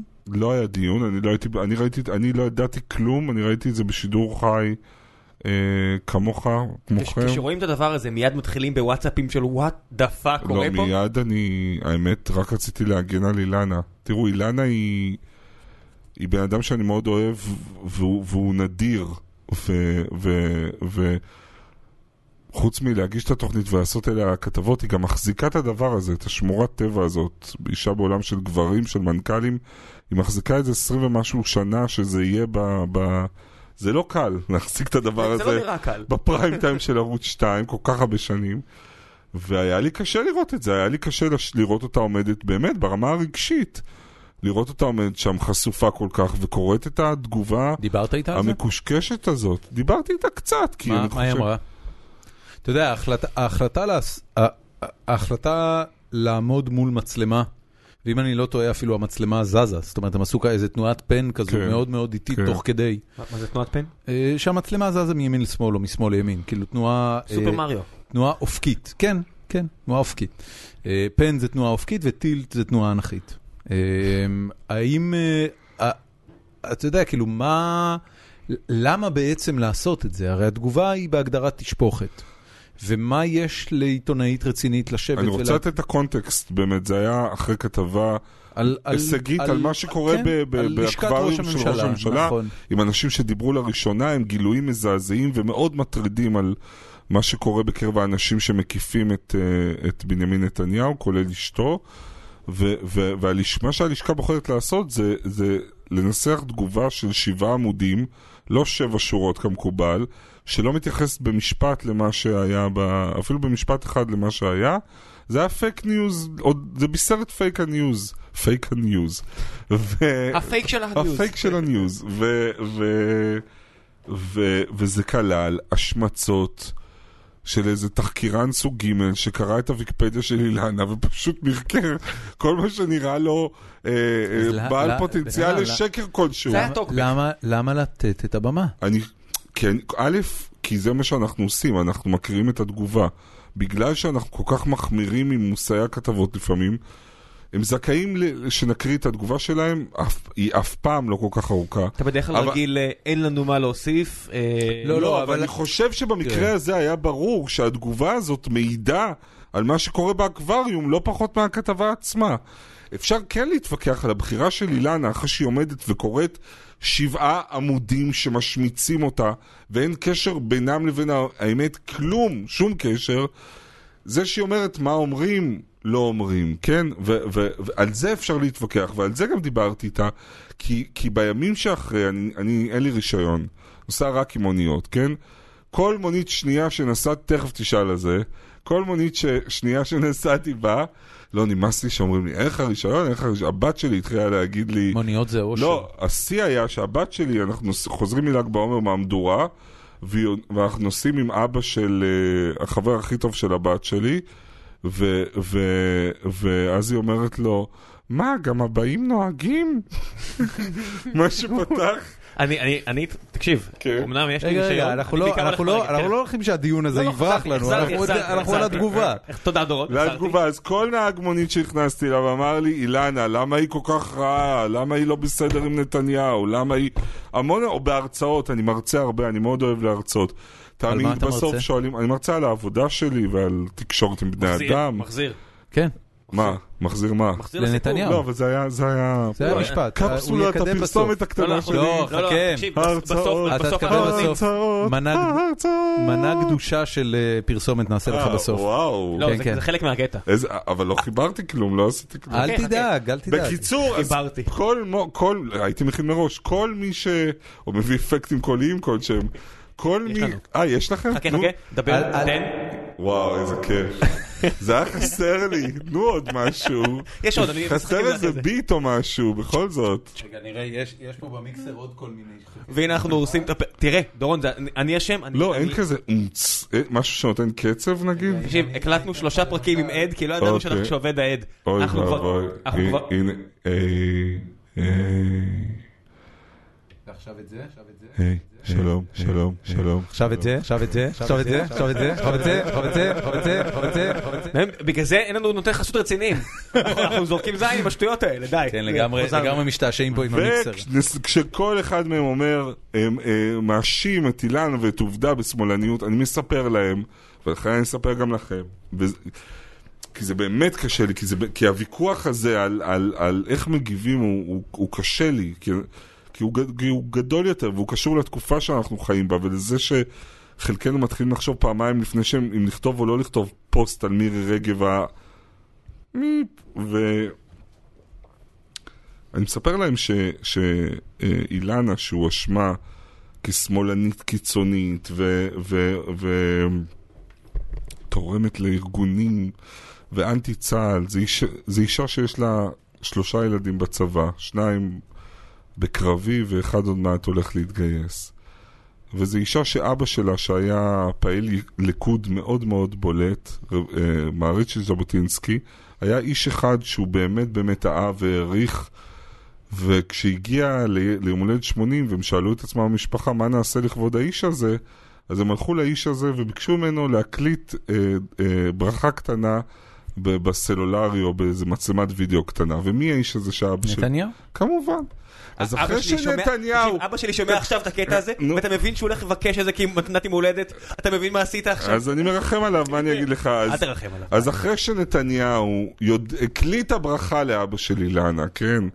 זה מה שמכעיס אותי, זה מה שאני לא יכול להבין. אבל אז- נתניהו נתניהו לא רואה ויודע, אף אחד ויודע. שאישה, ואילנה באמת, ועזבו, ואין פה מבחנים של פטריוטיות וציוניות, אבל אילנה היא באמת אחד האנשים הפטריוטים והציוניים במובן היפה של המילה, ויש לה את הביוגרפיה שלה, וזה שהיא עולה חדשה, והיא גרה מול הרי ירושלים, ו- וזה מרגש אותי באמת הצד הזה באישיות שלה, ואני לא, לא אומר אותו בציניות, כי היא יודעת להכיל גם את ההתרגשות מהרי ירושלים, וגם את החשיבות של אה, שופטי בית המשפט העליון, וזאת ציונות ב- אמיתית בעיניי. אז אחרי כל זה אתה הולך ומחבר את התגובה הזאת, ואתה יודע שלפחות חצי מ- מ- מ- מהאנשים שרואים את זה, לוקחים את הדברים כפשוטם, כן? ו- ו- ו- וזה בסדר, גם אימא שלי שאלה אותי כל מיני... לכן לכן כי זה אני- ראש הממשלה אמר, ו... וזה מצמרר אותי, מה אני אגיד לכם? ואני מקווה שלא יבוא היום, ומישהו ייקח את הדברים כפשוטם, בדברים המ- המחרידים שאומרים פה על עיתונאים או על עיתונאים בולטים, ולא יעשה משהו לאיזה עיתונאי. אני ממש מתפלל, וזה משהו שבאמת מדאיג אותי ומעסיק אותי. אני הולך לשירותים. אני הולך לשתות מים, בסדר? בטח, בטח. זה שם למעלה, אנחנו נדבר. כן. מה אתה חשבת שראית את תגובה? התגובה? אה, יש פה מים, זה... זה... אה, כן. אני- כן. זה מהיום? מעכשיו? כן, כן, כן, בטח, כל יום ממלאים את זה. אה, זה היה מזעזע בעיניי. מה? אני הסתכלתי על הדבר הזה, זה, זה בהתחלה, תראה, זה להבדיל הרבה הבדלות, אבל לא המון. אה, זה קצת הזכיר לי את התחושה שהייתה לי כשראיתי את אסון התאומים. את אסון התאומים ראיתי בלייב, הייתי בבית באותו יום, ב... עבדתי בוויגיימס. דיברתי איתך, כן, כתבנו. נכון. fucking A. ואני מסתכל על הדבר הזה, ואני לא מאמין שזה מה שאני רואה. זאת אומרת, זה... ה- יש, אה, יש, יש משפט כזה שאומר שמה שהמוח לא מבין, העין לא רואה. אז אתה, אתה לא מבין מה אתה רואה. אתה יודע, הרבה אמריקאים עכשיו, אני שומע את הניו יורקר וכל מיני פודקאסטים כאלה, הם אומרים שהם ראו את הצוויץ, כמו שיוני נמרודי אומר, יוני נמרודי מציון שלוש אומר על אה, טראמפ, שהוא כתב שם, אה, אני מקווה מאוד שלא תשחרר את ההקלטות עם גרשיים שיש לך מר קומי, ואתה מסתכל ואתה אומר, זה נשיא ארצות הברית. כן. נשיא ארצות הברית שחרר צוויץ, אנחנו- שבו נאמר, אני מקווה שלא תשחרר את הקלטות בגרשיים. הגרשיים הוא על קלטות. אני, אני חושב שאנחנו חיים בתקופה מאוד מוזרה. מאוד מאוד מוזרה. אה, רוני, השירותים הם שתי קומות למעלה. באמת, אין לך כוח לעלות? בן אדם, פרגן לשלפוחית שלך, תהיה בן אדם. תראה מה זה. זה נורא. הרגע שבו אדם בוגר מוותר ל- ללכת לשירותים. אתה יודע מה היינו... כל כך הרבה דברים. אתה יודע מה כל הכבוד? לך שאתה יכול לעמוד בזה. אתה יודע מה היינו עושים. אם אני הייתי צריך, הייתי הולך. היינו עושים את ה- עשינו את הטירונות יחידה, מה שנקרא אימון מתקדם בחלק מהמקומות, באיזה מקום שנקרא לתנומרות בצפון. כן. והיינו עושים את זה כל כך רצוצים ועייפים, שהיית, אם היית... היית משתין על עצמך? לא, אם היית רואה בלילה את האוהל של הצוות, היית רואה, כאילו, פתאום נפתח רך, בולבול מפציץ החוצה, ברור. אנשים משתינים וחוזרים. בטח, אחי. זה, זה היה ברמה של אם אחד המפקדים היה רואה את זה, לא היית יוצא הביתה באותו... באותו הבנתי. וסחבק לא יצא הביתה חודשיים. בגלל. זה? כי היית משתין מהאוהל? לא, כי נטפלו אליי, אני לא אשם בכלום. הבנתי. תגיד רוני, אה, אני רוצה רגע לחזור לחנוך לוין. אתה הולך לצלם אותנו? כן, צילם, שולח הפסיכולוג שלי. באמת? יש לך פסיכולוג? יש לי פסיכולוג מקסים. על מה אתם מדברים? על זה שאתה הולך למות בגיל 46? למשל, כן? הוא- מה הוא אומר לך על זה? הוא מנסה, הוא מנסה לעזור לי. שתדע שזה לא קורה. לא, הוא מנסה, מה זה שאני אדע? הוא מנסה שאני לא אמות בקרוב. תגיד, פסיכולוג נגיד, שהוא רואה אותך ואתה אומר כן. לו שאתה אה, הולך ללכת לעולמך מתוצאה ממשקל עודף. עד כמה הוא מרשה לעצמו להפעיל לחץ אה, פיזי מתון עליך כדי שתטפל בזה? עד כמה זה אישו? כמה זה הוא... נורא לא ככה, נו, אתם יודעים איך זה פסיכולוגים, זה הרבה יותר... אה, אם הייתי יודע... יש לא הרבה יותר שכבות, וזה הרבה יותר מורכב, ויש הרבה יותר... מה זה אוכל בשבילך? לא, לא, אני חייב להגיד לכם, יש לי, אני לא הייתי שנים בטיפול, ואחרי שהבן שלי נולד אמרתי זה הזמן ללכת כדי שאני יותר טוב מאבא שלי. או אשתי אמרה את זה, אשתי... אבא שלך, אבא שלך נשמע שהיה סליחה, בסדר, אני חייב אגב. להגיד לכם, אשתי פסיכולוגית קלינית. הנה פרט מידע. זה הזמן לאפקטים, זה הזמן לאפקטים. אשתי פסיכולוגית קלינית. ואני אוהב אותה הכי בעולם, כן. כמובן, איך אפשר שלא? לפני כן, והיא פסיכולוגית מאוד מוכשרת. לא, אבל אתה תעזוב את הטלפון, בן אדם, סבבה, אוקיי. אוקיי. אז שלחת לו, אבל לא, לא נפתח את זה, כאילו, רצית לעשות פיפי, תחזור אלינו, תחזור אלינו. כן, כן, אוקיי. בסדר? אוקיי. אז איפה היינו? אז על מה- על מה אתה מדבר איתו? עם הפסיכולוג כן. שלי. מה מה הוא אומר אז לך? הוא על- חדש, והוא גילוי מסחרר, כי אני... בפעם הראשונה, ב... היית בטיפול? אה, מספר פעמים. ו... היה רע בכל הפעמים. חוץ מפעם אחת שהיא טובה. וכל פעם היית כמה שנים, או... לא, לא, לא, לא הגעתי אף פעם הוא לשנים. מדבר פעם. הייתי, לא, לא, הייתי, אה, הייתי בשני, אה, אה, ש, ש, שניים או שלושה סייקלים של ח, כמה חודשים כל פעם. מאוד קשה לי עם, ה, עם המתודולוגיה. והלכת רק, הטיפולית. רק לנשים? לא, אה, ממש אוקיי. לא. הראשון היה, היה גבר. אה, אכזב אותי קשות, היה גם משעמם וגם לא קומוניקטיבי ופשוט לא נהניתי. אכזב אותי קשה. באמת, אכזב הוא עכשיו אותי. מאזין לזה והוא אתה יודע, הוא מכבה בכזה, מכבה בדם דם וכזה עושה אוף. הוא ממש אכזב אותי. ואתה לא היית בחיים אצל פסיכולוג. ניסיתי, ניסיתי. אה, ניסית? ניסיתי. ולא... לא... אמ, ניסיתי, אני יודע. אז זה- אני, אני הייתי שנים אצל איזה פסיכולוגית מיוחדת שאהבתי מאוד מאוד עזרה לי, ואז שנים לא הלכתי, אבל הפסיכולוג הזה באמת, הרעיון של כיף בטיפול ושל מישהו מאוד חכם שהוא אחר לגמרי ממך, הוא, הוא קרוב אליי בגיל, הוא בן 43, אז אה, אני, הפנטזיה שלי על, על, הראש. על הוא- טיפול, כן. היא, ה- אתה זוכר שבסדרה הבית הלבן מהמם. יש אה, פסיכולוג, מומחה טראומה, שמגלם אותו אה, אדם ארקין, שהוא הבן של אה, אלן ארקין, השחקן. אוקיי. ו- והוא מגיע לסדרה בשני סייקלים שונים. פעם אחת הוא בא לטפל בג'וש אחרי ההתנגשות בסוף העונה הראשונה, שג'וש אה, כמעט מאבד את החיים שלו שם. אהבתי את ג'וש. דורון מעריץ אי אפשר- נלהב. אי אפשר לא לאהוב את ג'וש. אלוהים ג'וש, איזה איש, כן. ופעם שנייה הוא מגיע בעונה הרביעית או החמישית, כשהנשיא לא מצליח לישון בלילה, והוא בא לעזור לו להתמודד עם נדודי שינה. וזה זה הפסיכולוג שחלמתי עליו. זאת אומרת, זה, אתה יודע, אני, אני רוצה פסיכולוג שאדם סורקין כותב אתה לו את הטקסטים. אתה זה משווה- בתכלס אתה- מה אתה שאני משווה רוצה. אנשים לחנוך לויני הם כותבים, אתה משווה פסיכולוגים לך, לכותב הדיאלוגים הכי טוב פגשתי בהוליווד. פסיכולוג שקרוב למה שאתה? מדמיין. כל כן. הכבוד. אתה יודע, ראיתי את אסי דיין בטיפול, כן. ואסי דיין בטיפול הוא באמת ליגה גבוהה. כאילו, זה פסיכולוג שאתה אסי רוצה. דיין, אני מה זה חייב ליגה להגיד לך, גבוהה? זה HBO קונים את הליגה, וואו, נכון? אתם נכון. יודעים שעשיתי כתבה על אה, על אדפטציה של בטיפול בלוס אנג'לס. נסעתי ל-LA וראיינתי את אה, כל מי שעשה את ההפקה איך האמריקאית. קראו לשחקן ששחק את הפסיכולוג? אני לא אזכור אני לא זוכר שמות. טוב. אבל שחקן מדהים, הוא שיחק בחשוד המיידי. כן, כמובן. כן.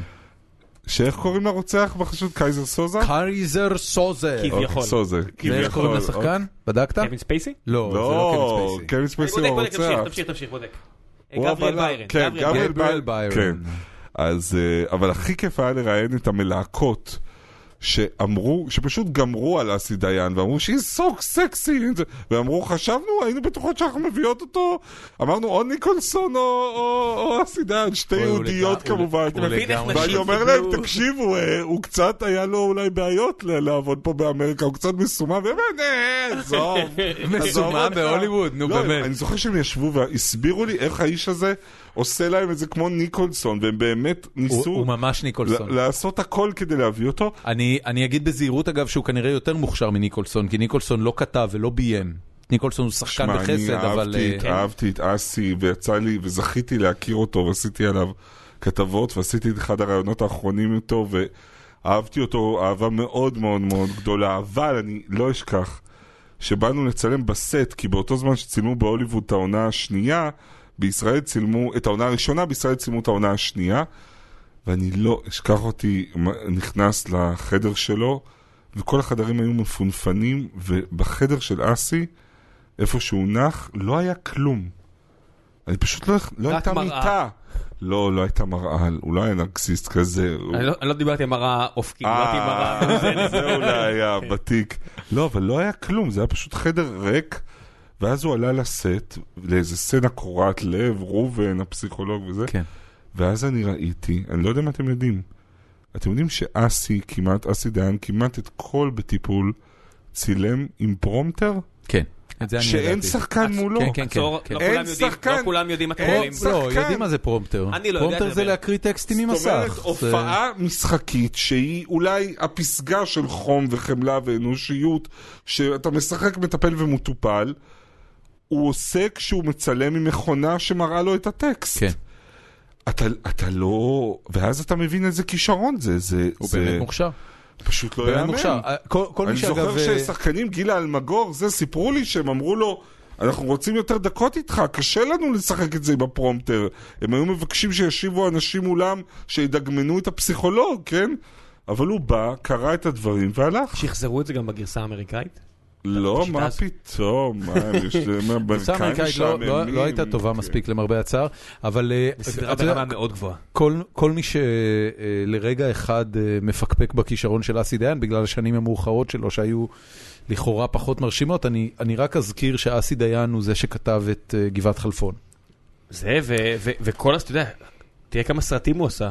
אה, החיים על פי, ו... נכון, אבל זה, אבל זה כבר, אתה יודע, הח- החיים על פי אגפה אה, הוא במידה לא מבוטלת אה, מבשר השמאלנות התבוסתנית.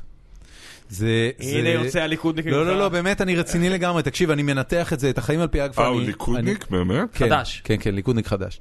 לא אה, נכון. כן, בחיי, ליכודניק.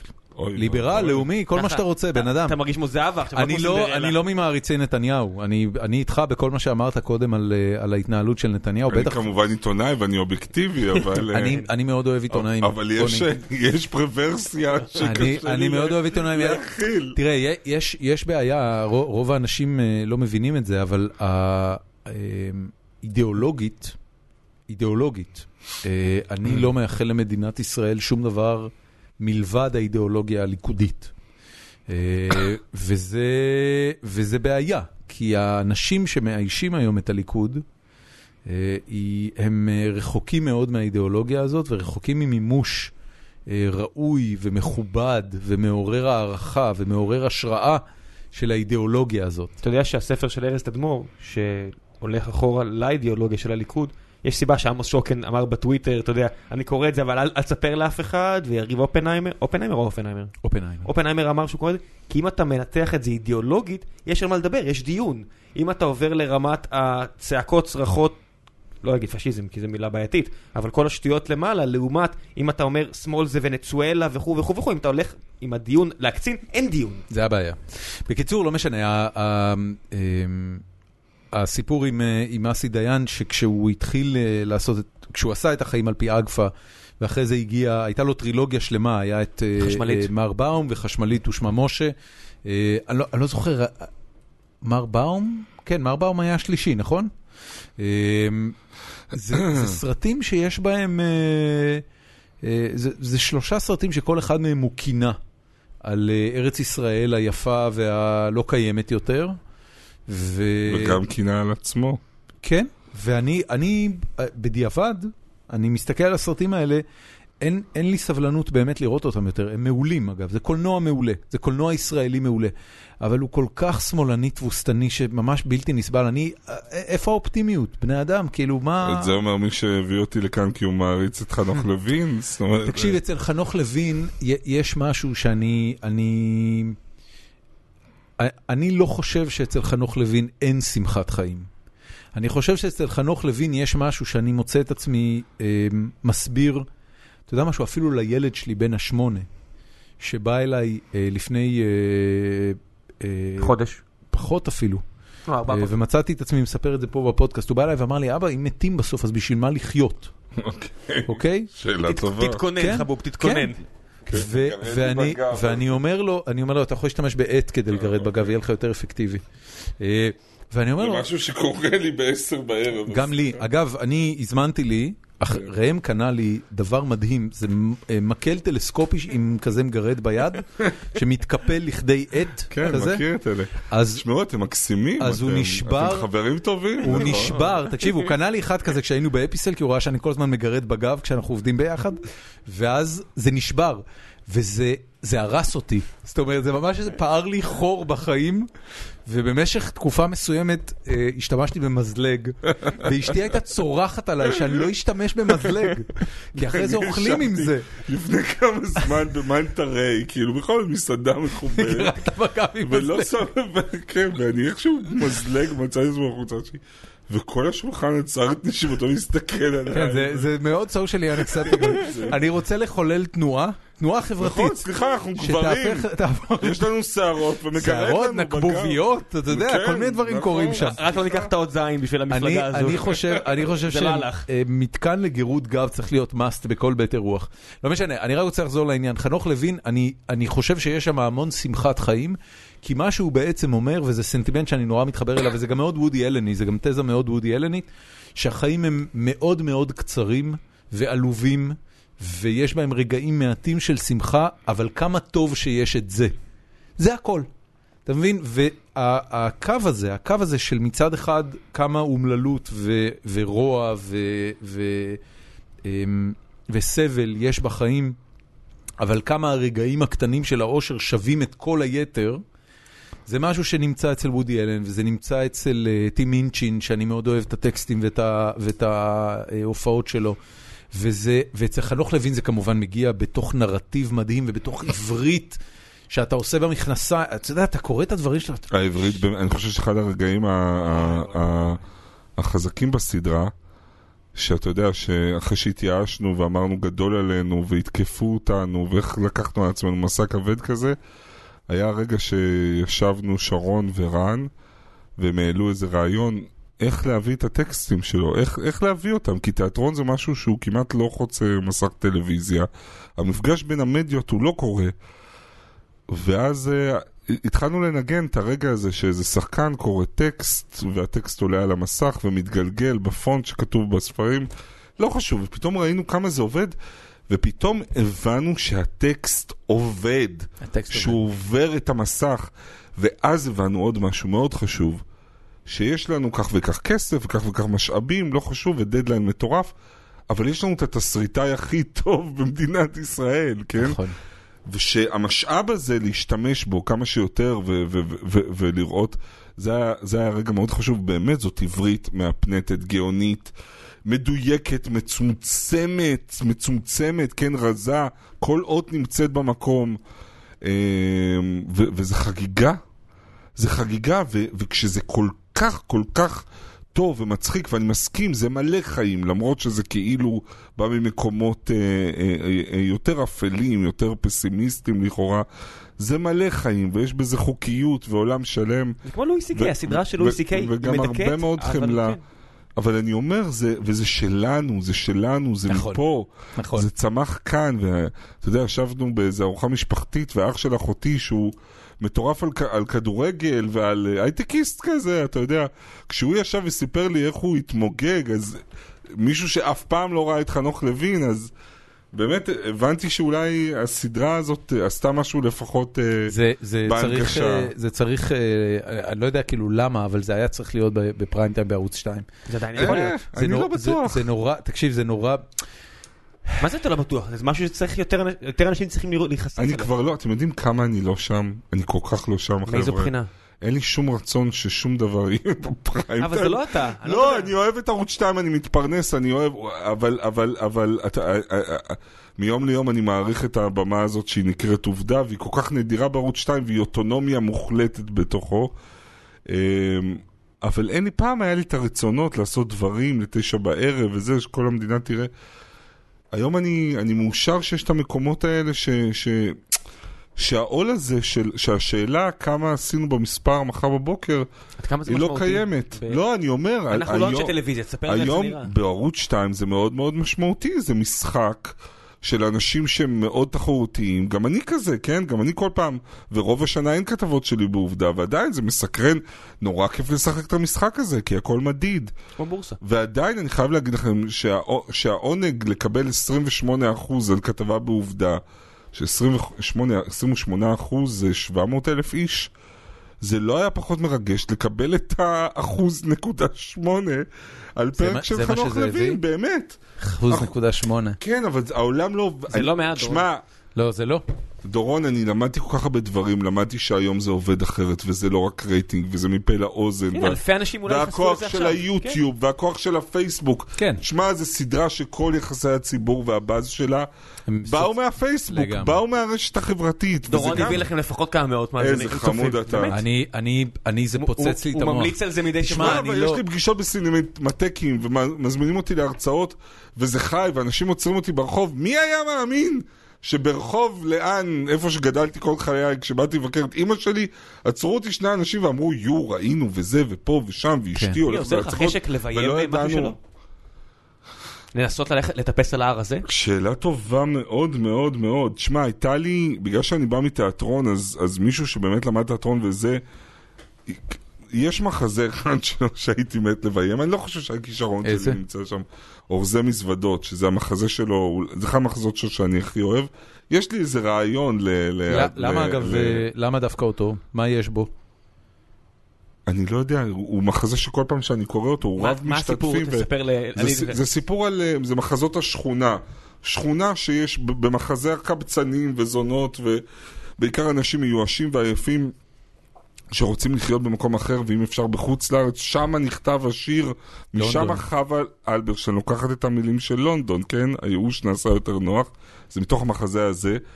ויש בו כל הזמן הלוויות. חבל שאין לי פה, הייתי באמת להקריא לכם, אתה יכול למצוא את זה, את הסוף. זה הכל באינטרנט, בן אדם, מה אתה רוצה תמצאו להקריא? לי את הסוף של אורזי המזוודות. יאללה, הנה אני מביא לך. כש- זה- כשאחת ל- הדמויות קוראות את המונולוג על כשהמתה האחרונה היא נדמה לי אניה ג- ג- גלרנטר, גלרנטר. הגשתי ציפורי לילה פעם איזה תקופה, איזה שנה, והקראתי את זה איזה 800 פעם, זה טקסט פשוט מדהים. אבל זה רגע, באמת רגע. טקסט כמו המחזות הטובים שלו, כמו, כמו המחזות שדורון אוהב. המצחיקים. שהוא- כן, שהוא נורא ones. מצחיק והוא נורא עצוב. וודי אלן של השנים המוקדמות. והוא, והוא, גם, והוא גם מטורף, ויש בו שמונה, שמונה הלוויות ו... ו, ו, ו, ו מצאת לו ראם? יפה. מצאת מה, מה, אתה מונולוג ממש? כן, למה לא? לא, רגע, אתה, הוא, הוא לא, הוא לא, הוא... אה, אתה רץ לי על המחזה? שנייה, שנייה, תן לי למצוא את זה. תדברו, אה, אני, אני את זה. אני אגיד לך שאני, אה, אה, בעוונותיי כנראה, אה, יעבור אה, לגור בחו"ל כמה שנים. אה, וואו, איזה. כיף. וואו, זה גילוי ראשון בפודקאסט. כן, אה, אני חושב אני יכול להחליף אותך בפודקאסט? אתה כן. מוזמן. כן, התשובה היא כן, חד משמעית. אם- אם אתה רוצה, אתה מוזמן. אתה לא, יכול אתה- לקחת גם את המגרד לא, זה גב לא שלו. מצחיק. תעזוב את הפודקאסט? אני לא אעזוב, אני אפתח סניף בחו"ל. אה, אוקיי. אני אתחיל לעשות פרקים אנחנו- בארצות אנחנו הברית. מתפצלים. אה, אה, אתה זה- עוד ייקח חודשים, כאילו זה... אבל... אה, ראית כמה. חנוך לויני כבר? תקשיב, לא אני- הספדנו, לא נפרדנו. שלום דורון. מי- מי אחי, מי האורח לשבוע הבא? כאילו. אהבתי מאוד.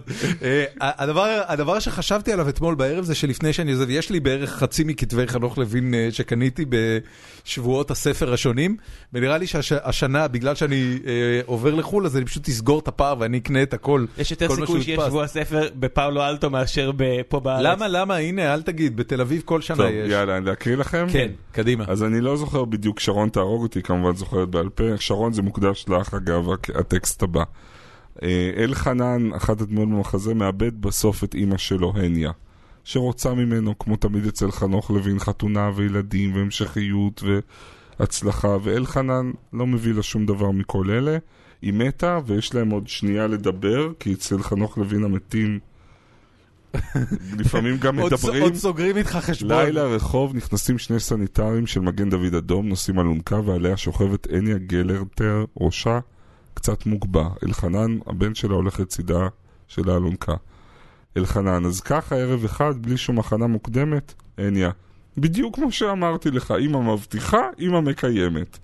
אלחנן, אבל עוד נשאר לנו לשוחח על משהו. הניה, אני הייתי בשבילכם כמו אפצ'יק, אומרים לבריאות והולכים הלאה. אלחנן, עוד לא ביררנו את מה שצריך לברר, כל הנושאים החשובים עוד על הפרק, עוד לא אמרנו זה לזה כלום. צריך לדבר, אמא, צריך עוד לדבר. ואני התנהגתי כאילו הנצח לפנינו. ואז האור עולה, נכנס קברן, וכל הדמויות נאספות על הבמה, זה סוף ההצגה. ומתעצם כולם אה, אה, מוכן להספיד. זה לא אלחנן, זה מוטקה. אנחנו נפרדים היום מהניה גלרטר. מה אנחנו יכולים להגיד עליה? שהייתה אישה צנועה, הגונה. מה עוד? מסורה למשפחתה ולבנה. היא לא הפריעה לאיש מאיתנו, עברה את החיים בשקט שחט יחסי כמובן, כי באוזני המקורבים לה ביותר, התלוננה על מיחושים ומחלות, אבל חוץ מזה שקט גמור, אף לא הגה, אין עקבות אחריה. ואני שואל את עצמי, מה שאולי גם אתם שואלים את עצמכם, הרי חוץ מהפחד ממחלות, היה מוכרח להיות בה עוד משהו, דברים שלא נאמרו, חיים שלא נחיו. הרי לא באנו לעולם כדי להתלונן על מחלות. גם לא באנו לעולם לספור כסף. ולא באנו לעולם לשחק ברידג'. ובכל זאת את הדבר האמיתי שיש לנו להגיד אנחנו לא אומרים. ואני שואל, הלא כשאנו שוכבים על העגלה הזאת והסדין הלבן מכסה אותנו, ועוד מעט תכסה אותנו גם האדמה, כשאנחנו שוכבים כאן, הכל נעשה פתאום ברור מאוד מה היה טפל ומה עיקר. ברור שהיה משהו אחר להגיד ואנחנו לא אמרנו. בזבזנו, לעסנו, ירקנו ולא אמרנו. אלוהים, אתה נתת לנו את ההלוויות כדי להזכיר לנו את חיינו. עשה שלא נשכח את העגלה הזאת והסדין הזה גם בין ההלוויות. fucking חנוך לוין. כל הכבוד, רוני. רק, רק. להקריא את הטקסטים האלה זה, זה עושה לך חסד, זה ממש אה, יפה. עכשיו אתה מבין. אתה צריך לשכנע את איתי טירן אה, לדקלם את זה על במה. איפה איתי טירן עם הקול הזה? זה, זה, אתה יודע, יש לך, יש לך אמ, ווקאליות של אורסון ווילס. וואו, תודה רבה. אורסון ווילס, זה ה- כאילו, זה הדציבלים וזה האוקטבות. אבל איתי נאחל טירן לו- הוא צפלון. אבל נאחל לו קריירה יותר אה, לא, עשירה. אבל תשמע, אבל לפעמים באמת, אני, אנשים מחמיאים לי לפעמים על הקול שלי, ול, ולפעמים, זאת אומרת, ואז יש, אגב, אתה יודע שזה לא יחזיק מעמד אם אתה תרזה. וואלה. כי כי תיבת אתה- התעודה- משתנה. יש דורון, קטע הק- עם- הקהל מבקש שתסתום את הפה. לא, תקשיב, בלי יש קשר. כאן קטע, הוא רוצה אותי בתור מגיש, הלו, זה לגמרי. לא אנחנו- יעזור אני- לו. אני צריך אתה רוצה לקבור אותי! גיליתי את המניע הנסתר אתה- שלך. אתה 38, 46, זה פחות או יותר הזמן שאני מתכנן לרילוקיישן. זה- אני אחזור ללוויה. לא ולא, אני אכזב, אני ארש את הפודקאסט הזה. חד משמעית. אה, אז לפעמים אני מקבל מחמאות מנשים, אני לא מאמין שזה קורה על הקול שלי. זהו, עכשיו אני די מוזנח כזה ושמן, ואני שואל את עצמי, אה, אה, איך זה עובד, כאילו אם הן עושות, כי הן עומדות מולי, רואות אותי, ועדיין מחמיאות לי על הקול שלי. אז נחמד. נשים לא מסתכלות על אה, גברים באותה צורה שגברים מסתכלים נכון, על נשים, נכון, נכון. זה מסתכלות על משהו אחר. זה הנס. לקח לי שנים להבין את זה, טוב שהבנת. אבל טוב שממש, מזל שהבנתי. לחנוך לוין יש אה, אה, מין... על מה נשים מסתכלות אבל בעצם? תסביר לי את הדבר הזה. אני לא יודע. אני יודע מה ששמעתי. אני, אני יודע שנשים מאוד אוהבות כפות ידיים גדולות, כי זה כנראה משהו מנחם שאוחז בך ושומר עליך. אה, ככה, ככה לפחות שמעתי. אה, אני חושב ש... תראה, הסתכלתי על אנשים, חנוך לוין לא היה גבר יפה. והסתכללתי על אנשים שלו, שדיברו עליו בסדרה. תשמע, והם באמת כאילו לא... הכישרון שלו גדול מכל דבר כן, אחר. נכון. וזה לא מונרו גם הייתה מזה מחזאית, אתה נכון, יודע. נכון, נכון, הייתה עם ארתור- ארתור מילר, הייתה נשואה אליו. ארתור מילר זה- עשה הרבה דברים טוב. הוא לא כזה לוקר. זה נכון, זה נכון. גם אה, ג'ו דימאז'יו לא חתיך גדול, וגם איתו מרילין מונרו הייתה. אבל אז היא הלכה עם JFK, לחנוך לוין יש אה, קטע נהדר שכבר כשהילד שלי היה בן ארבע לימדתי אותו, אה, וזה קטע של, אה, אני חושב שלא רמי ורד, איך קוראים לו השחקן? וואו. דרור קרן? דרור קרן.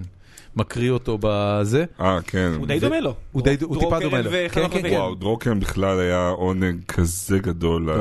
היום. שהוא הגיע, הוא היה פה בפודקאסט? לא, עוד לא. אני- אוי, תזמינו נזמין אותו, פשוט. מקסים. איזה איש אני- חכם אני יש לשאול לנו אותך. קטע שהמאזינים מציעים אנשים, יש כזה, כן, הוא כבר עשה- סגר עכשיו אומרים, לנו. הולכים- דחפת אה, לנו רגע, ארבעה שבועות קדימה, כן, מה אתה עושה? תזכור, אני אני כבר... רושם הכל. נורא יעיל, זה בעצם פגישת... אה, בדיוק, זה... brainstorming. כן, בדיוק. כן, לעונה אנחנו לא- הבאה.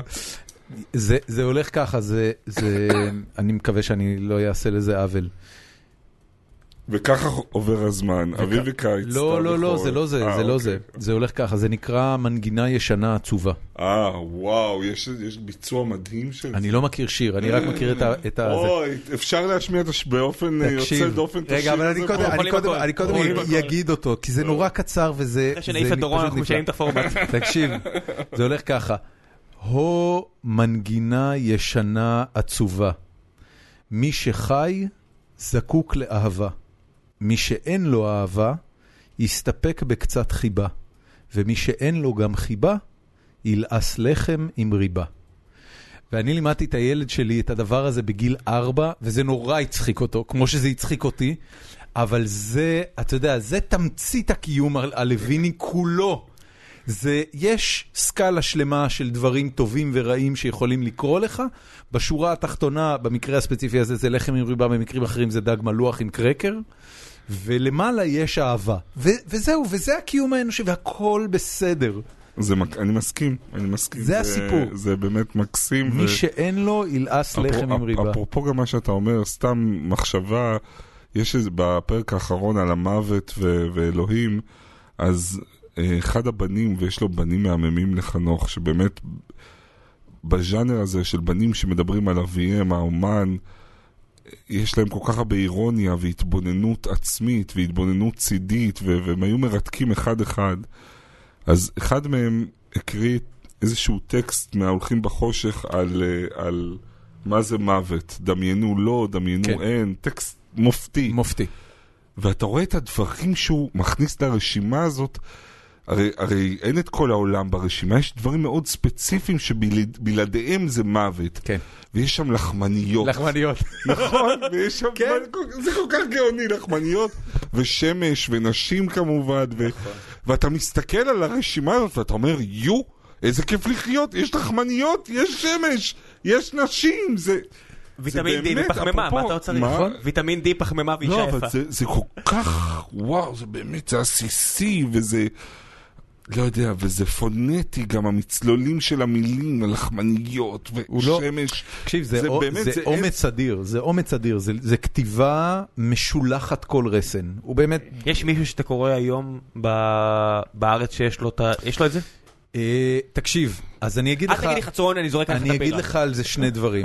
לא, לא חצרוני. חצרוני לא, חצרוני, אה, אני חייב להגיד, הכתיבה שלו היא מאוד אה, קיצונית, אבל הוא לא מוכשר ב- בלירה. הבן אדם היחיד. ש, שמתקרב, והוא לא באמת מתקרב, אז אני, אני מראש אומר את זה, הבן אדם היחיד שמתקרב אה, זה אריאל וייסמן. אה, אריאל וייסמן. טוב, הוא כתב את ה- את ה- המערכון הזה עם אה, סטן ב- ביהודים באים. הוא כתב את המערכון עם. סטן ביהודים, והוא כתב את אה, את, אה, תרצחי אותו, המ- אותו. המופלא הוא של... הוא היה- הוא היה אורח אני מעולה. לא מכיר, לא מכיר. הוא היה אורח מעולה פה, אנחנו נשים את הלינקים ל... אריאל, אריאל וייסמן הוא אה, אה, סאטיריקן, והוא כותב, הוא כתב בגב האומה, או עדיין הוא אולי אפילו כותב בגב האומה, ו... והוא כותב, אחד מהכותבים המובילים של הסדרה היהודים באים, שגם הייתה בערוץ הראשון והיא סדרה סאטירית בתאגיד עכשיו, העונה השלישית. מהמעולות שנוצרו פה. אבל תראה, אריאל וייסמן, אני, זה, מה, זה כאילו מהדור הצעיר, והבעיה היחידה עם אריאל וייסמן, וייסמן. וייסמן, סליחה, זה שבניגוד לחנוך לוין, אה, חנוך לוין היה fully committed לעשות תיאטרון ברמה הגבוהה ביותר. אריאל וייסמן עושה בידור ועושה פוסטים פייסבוקים, והוא לא אה, מנסה לחרוז, והוא לא מנסה לכתוב עברית מצומצמת, הוא לא כותב שירה, הוא כותב פוסטים ארוכים שמפרקים כל מיני דוגמות של חשיבה בצורה מאוד אמיצה ומאוד... אה, גם תום אהרון מהבחינה הזאת, נכון. כותב יפה מאוד, נכון, לא- אבל לא קצר. הסיפור עם חנוך לוין זה באמת הכתיבה, הטקסטים, מה, ש... מה שחנוך לוין יודע... מה שחנוך. מה שחנוך לוין יודע להגיד ב-20 מילה, אריאל וייסמן כותב 200 מילה. מרק טוויין. כן, וזה זה, זה דבר מדהים, כן, זה גם- כל גם כך... ה- טוב, הייתה לו אה, המחויבות הזאת, אתה יודע, מספרים. כן, זה היה דתי מבחינתו הכתיבה, היה קם בבוקר, שמונה בבוקר, היו לו טקסים קבועים. הייתה שם גם איזה מנגנון נפשי מאוד מיוחד ש... שיכל לפתח את הכישרון הזה ולהביא אותו ל- למקומות האלה. אני, אבל- אני, אבל אני אין באמת-. יותר, אה, אין, זה בדיוק מה שאורי פינק אמר פה באחד הפרקים, הוא אומר שמה שאין בדור הצעיר, יש אנשים כישרוניים, אבל אין כבר יותר את המחויבות לדבר של טוטליות במשהו אחד, שזה באמת יכול להיות. זה, זה אני יכול לראות, יש כל כך הרבה פיתויים, יש כל כך הרבה דברים ל- מעניינים לעשות היום. אני רוצה להוסיף עוד אה, שם לרשימה, אני חושב שעוזי וייל כותב דברים שיש בהם הרבה, הרבה חנוך לויניות. ועוזי וייל כותב מדהים. אני מניח שכשחנוך לוין ראה את החמישייה, הוא בטח אמר לעצמו בראבו. אני לא יודע, הוא ראה את החמישייה. כן, הוא כן, ראה את זה. תחילת שנות ה-90, כן, אוקיי. זה, זה מסוג היצירות האלה שהם, הם, הם, יש, יש מערכונים שמחזיקים לו, את ה... לו אני חנוך לוין ואני רואה את החמישייה הקאמרית, אני, אה, אתה יודע, ממולל את שפמי ואומר לעצמי, nice try. כן, אתה חושב? חד אגב, יש משמעית. להם מערכון נהדר שבו מישהו רוצה לה- להוכיח את הכישרון שלו כעיתונאי, אז העורך אומר לו, "אה, אוקיי, נראה אותך משיג לי במקום הראשון ראיון עם אלוהים, במקום השני ראיון עם חנוך לוין. הוא לא התראיין לאף אחד, לא. אף פעם. לא, הוא ראה בצעירותו כמה פעמים, אבל... אתה יודע מי כזה בארץ היום? ו- ולא מדברים על זה יותר מדי, כי לא נותנים לו את הכבוד הראוי לו? מי? ברי סחרוף. אתה לא תראה רעיונות שלו, הוא עושה רק מוזיקה שהוא מנסה ברמה הכי גבוהה שיש.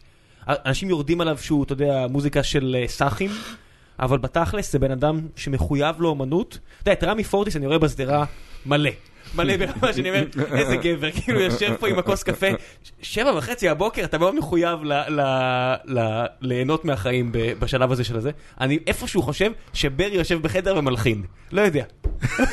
ככה אתה מדמיין אותו. אתה יודע, תחשוב, אתה לא, אתה לא קורא שטויות שהוא אומר, כי הוא מחויב לעניין הזה של מוזיקה, ומדי כמה שנים הוא מוציא אלבום, שתאהבו אותו או לא, זה, זה, כן, זה, אני זה מאוד אוהב את ברי. אני אני רוצה אבל אפרופו מוזיקה להמליץ למאזיננו על השיר שקודם ציטטת, ושלומי שבן וקרולינה באמת? עשו ביצוע מהפנט לשיר הזה. שמעתי את זה בלופ כשגיליתי את זה אוי, גדול. כשהסדרה יצאה. יפה. אה, אגב, אה, שיר- שיר הסיום של הסדרה, סוף פרק 4, איך נקרא השיר? אה, רגע שלפני. מאיפה זה? זה יהודית רביץ הלחינה איזה מונולוג מתוך מחזה שנקרא כריתת ראש. אוקיי. ובסרט שהבן של חנוך, רפאל עשה עליו, ויצא איזה שנה לפני הסדרה שלנו, אז אה, אני לא זוכר אם זה רפאל או בן אחר, אבל הוא מספר שיהודית הביאה את זה לחנוך לוין ממש כשהוא היה כבר בבית חולים, כדי שיגיד מה דעתו. והקסטה הזאת התגלגלה שם, ואחד הילדים שלא היה לו מה לעשות בכל ההמתנות, שמע אותה עוד פעם ועוד פעם ועוד פעם, וזה באמת שיר מאוד יפה. מאוד יפה. מאוד יפה. קורע, טקסט. טוב, תקשיב, אה, אה, על פי המסורת, אה, אנחנו מפרסמים יום קודם מי הולך להיות האורח שלנו, ונותנים הזדמנות למאזינים הקבועים שלנו בפורום. יש משהו שנקרא... פורום החיים עצמם של גיקונומי. יש לנו... אתם יודעים שאני, כשהזמנתם יש שם אותי, אלפי אנשים. ועד שהגעתי לכאן חשדתי בכם שלא בטוח שאתם אמ- אמיתיים. שמע, אנחנו הולכים לאנוס אותך, משהו. לא, לה- להרוג אותי או לחטוף אותי. באמת, משהו בתמונה, בעמוד פייסבוק שלך, אמרתי לעצמי, לא יודע, איזה מחתרת, משהו סטייל מראה שחורה כזה, או... מה אתה אומר? אולי אני רואה יותר מדי... אה, תקשיב, אני- איך אומרים? דיסטופיות? דיס- כן, דיסטופיה, דיסטופיה. כן. אני תמיד עכשיו, אומר- את מאוטופיה. סיפורה של שפחה, אתם רואים את זה? אז זה... קצת כש- להשתלט אני בדיוק אומר יותר לדורון, מדי. שאנשים רואים את הפרצוף של דורון, שיש לו... לא, אבל זה לא הפרצוף שלו, זה זה- מה יש שם ב... יש שם פיקסלים. יש שם תמונת פיקסל אה, ארט שחבר אוקיי. טוב הראש שלי הקרח- גוסטבו הראש הכי הקרח בשבילי. שלי ואת הראש אוקיי. המפחיד שלו. לא, הוא לא דיבר על, על הפודקאסט עצמו, הוא דיבר על התמונת פרופיל שלי. שהיא, שהיא פיקסל ארט. כן. אין לי, אין לי תמונת פרופיל. טוב, אה, נתחיל עם שאלות. קודם כל, אה, רגב לרנר שואל, האם איתי אנגל באמת רוצה למות? לא. אוקיי. ועכשיו ברצינות, אה, איך, איך, כאילו, מה, מה, איזה מבנה אישיותי מביא בן אדם להתנהל ככה? איתי הוא אורח ששווה שלוש תוכניות שלכם. הוא לא עונה לפייסבוקים. כן. אני כבר אומר לך. לו, אני אכתוב לו שהוא חייב כתוב לבוא לו. אליכם. פ- fully booked. פני- פניתי הוא איש. באמת יוצא דופן ו... אנחנו מבטיחים לעשות פיצוצים אני לא ברקע. אנתח פה את איתי? אבל אני חייב? להגיד לכם שאני לא אוהב שעושים ממנו רק ג'יימס בונד, כי המוטיבציה של איתי היא לא להראות כמה הוא אמיץ, אלא היא מוטיבציה מדהימה של עיתונאי שהוא storyteller חד פעמי, ואני חושב ש... ככל שאני מתבגר אני עדיין עושה אליו עיניים בתחומים מסוימים ו- וככה לומד ממנו מהעבודה שלו. אמרתי כמה פעמים במאה ה-20 פרקים האחרונים שהטקסטים הכי טובים שיצא לי לקרוא בעשור האחרון בשפה העברית היו סדרת כתבות שלו בבלייזר על מקומות מסוכסכים בעולם והוא כתב, תראו איך האיש הזה כותב בטלוויזיה. הוא כותב פתאום. מצד אחד פשוט, פשוט, כן. פשוט, פשוט רזה רזה רזה, מצד שני חברי ומזמין ומבריק, ו... אני מזמין את האנשים לקרוא את והוא הכתבות גם האלה על איש רואנדה מקסים, וסרביה. סליחה שאני כזה נחמד פתאום, אני לא, נורא אוהב אותו, הוא ארגן לי? גם את. המסיבת רווקים. מי- אמר באמת? אז כן, מה, בבוקרסט? אני לא אספר, לא, היא לא הייתה בבוקר, היא הייתה יש- חנונית. יש מישהו שאמר משהו רע עליו? הוא לא קונסנזוס בקרב אז לא, הארץ? אז אני רוצה להגיד, המ- המ- המוטיבציה של איתי היא הרצון לספר את הסיפור מהמקום שבו הוא קורה. כמה שזה נשמע טיפשי, לא טיפשי, אבל בסיסי וגולמי, זאת המוטיבציה. לא, לא, ו- ו- ויש בו איזה... מנגנון כנראה שלא מפחד, אבל, אבל זה לא הרצון... הפחד הוא לא הדבר העיקרי שם. אבל נכון, זו שאלה שכולם שואלים, כן, איזה אומץ יש זה, וכולי. זה, זה נראה ממש ברמת ה-Daredevil, כאילו אתה אומר אוקיי. אה, זה, זה נראה, אתה יודע, אני, אני מסתכל על עובדה הרבה שנים, וזה תמיד נראה לי איפשהו על הסקאלה שבין uh, uh, 60 Minutes uh, של CBS האמריקאית לבין וייס. וככל שחולפות השנים זה נהיה יותר וייס ופחות 60 Minutes. ואני כל הזמן שואל את עצמי עד כמה הדבר הזה מכוון, עד כמה זה מכוון על ידי אילנה. זאת אומרת, האם זה דיון שבכלל מדברים עליו, או שלאורך הזמן, בגלל שהתקופה משתנה ובגלל שסוג העיתונות משתנה, ולא לא יודע, כאילו זה... זה... וייס שווה 4 מיליארד דולר היום, ו-60 Minutes זה חבורה של אנשים שעוד רגע מתים. לא, אני חושב, אני לא יודע עד כמה, אני לא נמצא, יש את פורום הקודקודים של התוכנית, שזה אילנה גלעד טוקטלי, אייל גונן, העורך הגאון של העונות האחרונות, שהוא באמת יוצא דופן, ושחר אלתרמן, העורך משנה הנפלא, אז בטח עולים שם דברים של, של טעם ו, ואופנות, ואני בטוח שגלעד טוקטלי, הוא, הוא האיש אחראי על קולנוע והוא מביא את הדברים האלה, אבל, אה, אבל מצד שני, זו חבורה של אנשים ש... חיה הרבה שנים ביחד, ו- וכל אחד עושה את, ה- את הדבר שלו, אני לא יודע, אבל כולנו גם משתנים תוך כדי, כן. אמ, טוב, אה, אלירן אזולאי שואל על משהו שבכלל עוד לא הזכרנו ועכשיו נדבר עליו.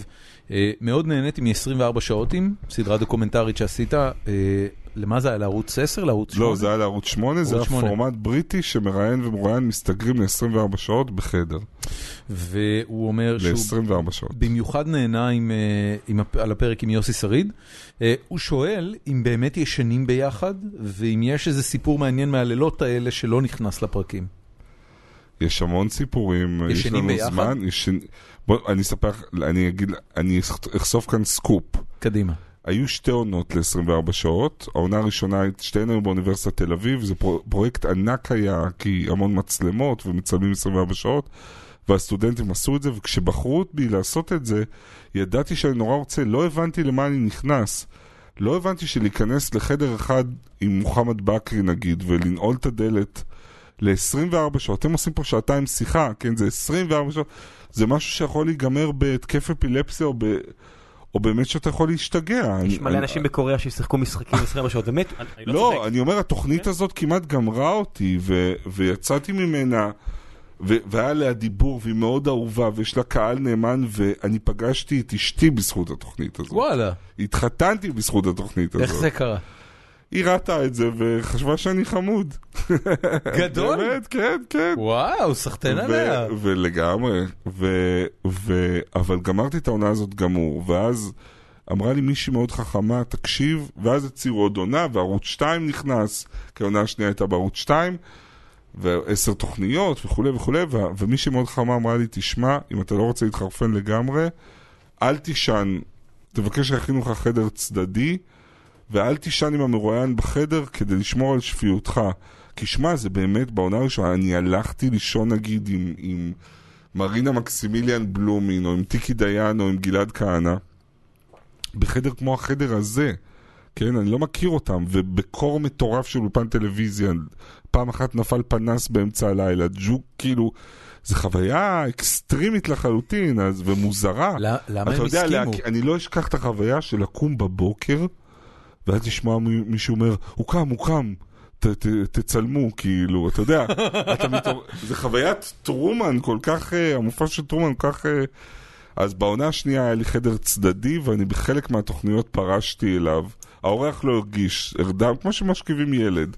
הרדמתי את יוסי שריד, הרדמתי את מיקי קם, הרדמתי את אפרת גוש. עם מי הכי נהנית?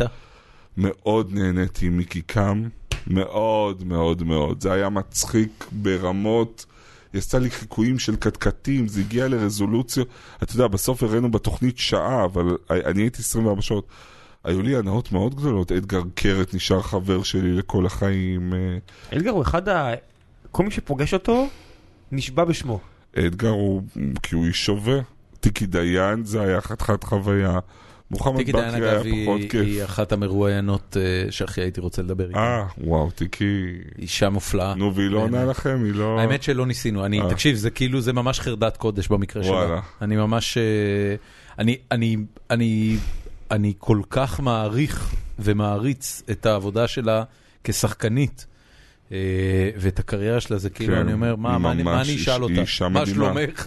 שמע, יהיה לך כזה תענוג, כי אישה כל כך חריפה עם היא עושה אינסטינקטים עכשיו של לכאן, היא- מכשפה. היא התחילה לעשות משהו לכאן, לת- לתאגיד אה, השידור. באמת? וואי, כן. איזה אישה, איזה אישה, איזה כיף. זאת אישה שהיא מעלה כל כך מצחיקה וכיפית כן.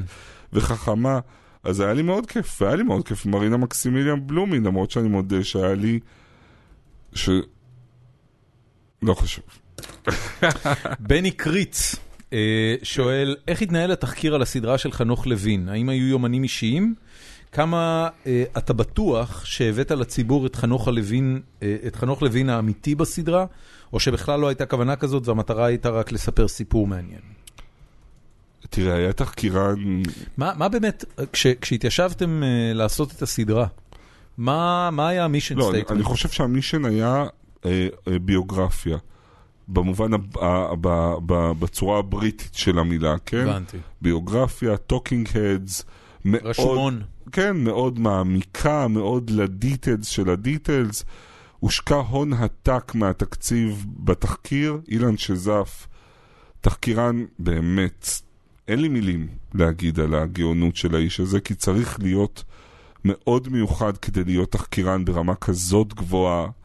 הביא לנו מסמך של 300 או 400 עמודים, והמשיך והמשיך ועדכן וחפר ומצא, ואני חושב שהמטרה הייתה לספר את, ה, את הסיפור חיים ולספר את, ה, את הסיפור של היצירה. לא הבנו אז, ואני חושב שזה הכוח של הסדרה, שבסוף חנוך לוין היה כמעט מאבק בוער כל חייו בין הבן אדם לגאון, כן? והקונפליקט הזה ייצר את המתח ש, שעליו בנויה הסדרה הזאת. אתה רוצה שאני אתן לך דוגמה? בטח. למשל בסוף חייו, בכל מה שקשור למוות. כן. זה איש שכתב, אין מישהו שכתב בשפה העברית כל כך לעומק, בצורה כל כך אובססיבית כפייתית על המוות ומה שקורה אחריו, ובצורה נחרצת וקולית ו... ו, ו, ו, ו וחוקר את זה בצורה קרה ואנליטית, זה המוות, בסוף יש סוף וכולי, ופרסם את חיי המתים, מה יקרה לאלמנה שלי אחרי מותי, מה יקרה לזה, היא תמצא מישהו אחר וכולי. אז יש את זה. מצד שני, כשאתה נכנס לסיפור עצמו, מה קרה שם? איך הוא התעקש שיהיו חזרות על הצגה עד הסוף. ותיאטרון שלם עשה את זה, למרות שהיה ברור לכולם בשלב מסוים שההצגה הזאת לא תקרה. ומעל הכל, איך הוא הגיע לאש... לאשתו, והוא אמר לה, אמ... תבטיחי לי, תבטיחי לי שלא יהיה לך גבר אחר לליליאן ברטו. כן. אחריי, תבטיחי לי את זה. וזה חנוך לוין, ש... שלכאורה הוא מפוכח, וכותב, ויודע הכל, ויודע ש... ששעתיים אחרי כבר אשתך פוזלת למישהו אחר, או שעתיים או, או שנתיים, והוא בא מצד שני ובחיים שלו בא ומבקש ממנה בקשה כזאת כמעט ילדית, וזה, וזה נכון כמעט ל... לכל תחום בחיים שלו. היה בו משהו מאוד ילדי, מאוד יצרי, מאוד אינפנטילי לפעמים, כן, מאוד... כמו אה, אצל הרבה אנשים כישרוניים, אתה יודע? זה, זה יותר מזה, במקרה שלו זה גם טראומות ילדות, זאת אומרת, זה, ה- זה אבא שלו מת בגיל מאוד צעיר. כמו אצל הרבה אנשים כן, כישרוניים. כן, כן, כן. והוא הוא חווה הרבה דברים מאוד קשים, זה נכון, אבל הרבה פעמים המפגש הזה בין הבן אדם לגאון שהוא היה, הוא באמת, הוא מעניין. אז, אז זו, זאת הייתה היומרה. ל... לא, כשיצ... כשיצאנו לדרך לא חשבנו על המפגש, חשבנו על ה... לספר את שני הנתיבים האלה. ובתהליך העבודה הבנו שהמפגש ביניהם, או הקונפליקט ביניהם, הוא יוצר את הדרמה. שתיצור את הרצון לראות, להחזיק את הפרק עד הסוף ולראות את, את, את הסדרה כולה. לא, לא נכנסתם יותר מדי ל, ללכלוך. נכון, ויש נכון, לכלוך. נכון. אה, בוא נגיד שכמי ש, ששמע המון המון סיפורים, ויש הרבה סיפורים שלא נכנסו, ב, בוא נגביל את היש לכלוך הזה, כאילו, אני לא חושב שזה... לא, לא, אני מתכוון שיש לכלוך בחיים שלו. זאת אומרת, כן, כשאתה... לא, אבל אני אומר, זה לא דברים פליליים, או לא דברים שמריחים כמו... אתה יודע, כשמסתכלים על אנשים אומר, זה לא ביל קוסבי. כן, זה לא ביל קוסבי, זה גם לא גנדי. כן, ברור. זה, זה בעיקר רכילויות, אתה יודע, זה חיים אה, סוערים ומלאים אה, קפריזות ומאוד לא אה, נינוחים ו... כן. ו- למרות. שאני אני אגיד לך אפילו, אתה אתה- אתה- אפילו העניין של הבגידות, היה- היה שאלה מאוד מורכבת, מה עושים עם זה? אז קודם כל הקל עלינו שהבן של חנוך עשה סרט שנה לפני, ושם כל סיפור הבגידות או הבגידה הוא- הובא בהרחבה, אבל ידענו שאנחנו נתייחס לזה, כן? כי כן היה לנו תפקיד, לא באנו ל- ל- ל- ליפייף ולספר סיפור על קדוש מעונה. היה ברור שנתייחס לזה, רק המידתיות והסטייל שאותו קבע שרון, הם היו בריטים. ואני מודה שבמקום הזה היה מאבק לפעמים בינה לביני. כי אני במקומות אחרים, אותי מעניין המקומות של שיא הרגש, אותי כן מעניין מאבקים מצריים, והיו שם סיפורים מאוד מעניינים שלא נכנסו. אבל אני חושב ששרון עשתה נכון, כי לסדרה היה את השפה שלה, ושרון חש, חשבה על הנצח, שהיא תישאר פה לתמיד, והיה לנו רק 200 דקות לספר את הסיפור. למה, אז- למה אז- באמת להיות מוגבלים? אתה יודע, הרי, הרי פוטנציאלית זה עלה ליוטיוב, זה לא שאתה צריך את הפריים טיים כי בשביל לשדר. עבדנו עוד מתוך חשיבה של אה, טלוויזיה, של כן, סדרה של סבבה, אבל. אתה יודע, עכשיו... אה, זאת שאלה אני, מצ- אני אני, חייב אני להגיד הייתי לך, זאת רואה שאלה עוד ארבעה מצוינת. פרקים כאלה, על כל אחד שהיה מצוינת, הייתי כבר רואה עוד אחד. שמעתי את זה, הרבה אנשים שואלים אותנו, מה עם הפרק החמישי? מה זה חמישי? תעשו, תעשו עוד שבעה, מה אכפת לי? תעשו, אני לא יודע אם יש תעשו, חומר... תעשו עונה, בוא נגיד... תעשו 12, 24 פרקים כן, של שעה. אבל שמע, יוצר, יש- לא כל היוצרים רוצים, יש יוצר שרוצה לעשות את זה טייט. לא, אבל אני, אני, אני מסכים איתך שיש מקום לפרק חמישי, כן? אף- צריך תמה, כל פרק יושב על תמה, יש סאטירות, יש אה, גברים נשים, יש אלוהים ודת. היה לנו רעיון לפרק חמישי. מה הוא היה? ויש, אני, אני לא זוכר האמת. זה המחלקה של שרון. אבל... אה, שש שנים, מי זוכר? אם אתה לא, רוצה אסי דיין. בהצעה היה פרק חמישי, בהצעה היה- ששרון ואני כתבנו היה פרק חמישי. אה, אה, להגיד לך אם הסיפורים המעניינים שנשארו בחוץ ייכנסו לפרק הזה, אני לא יודע, אבל... מ- אבל... מכל מה שלמדת על חנוך לוין בעשייה של הסדרה הזאת, אה, הוא נראה לך כמו בן אדם שהיית מחבב ברמה האישית? אמ,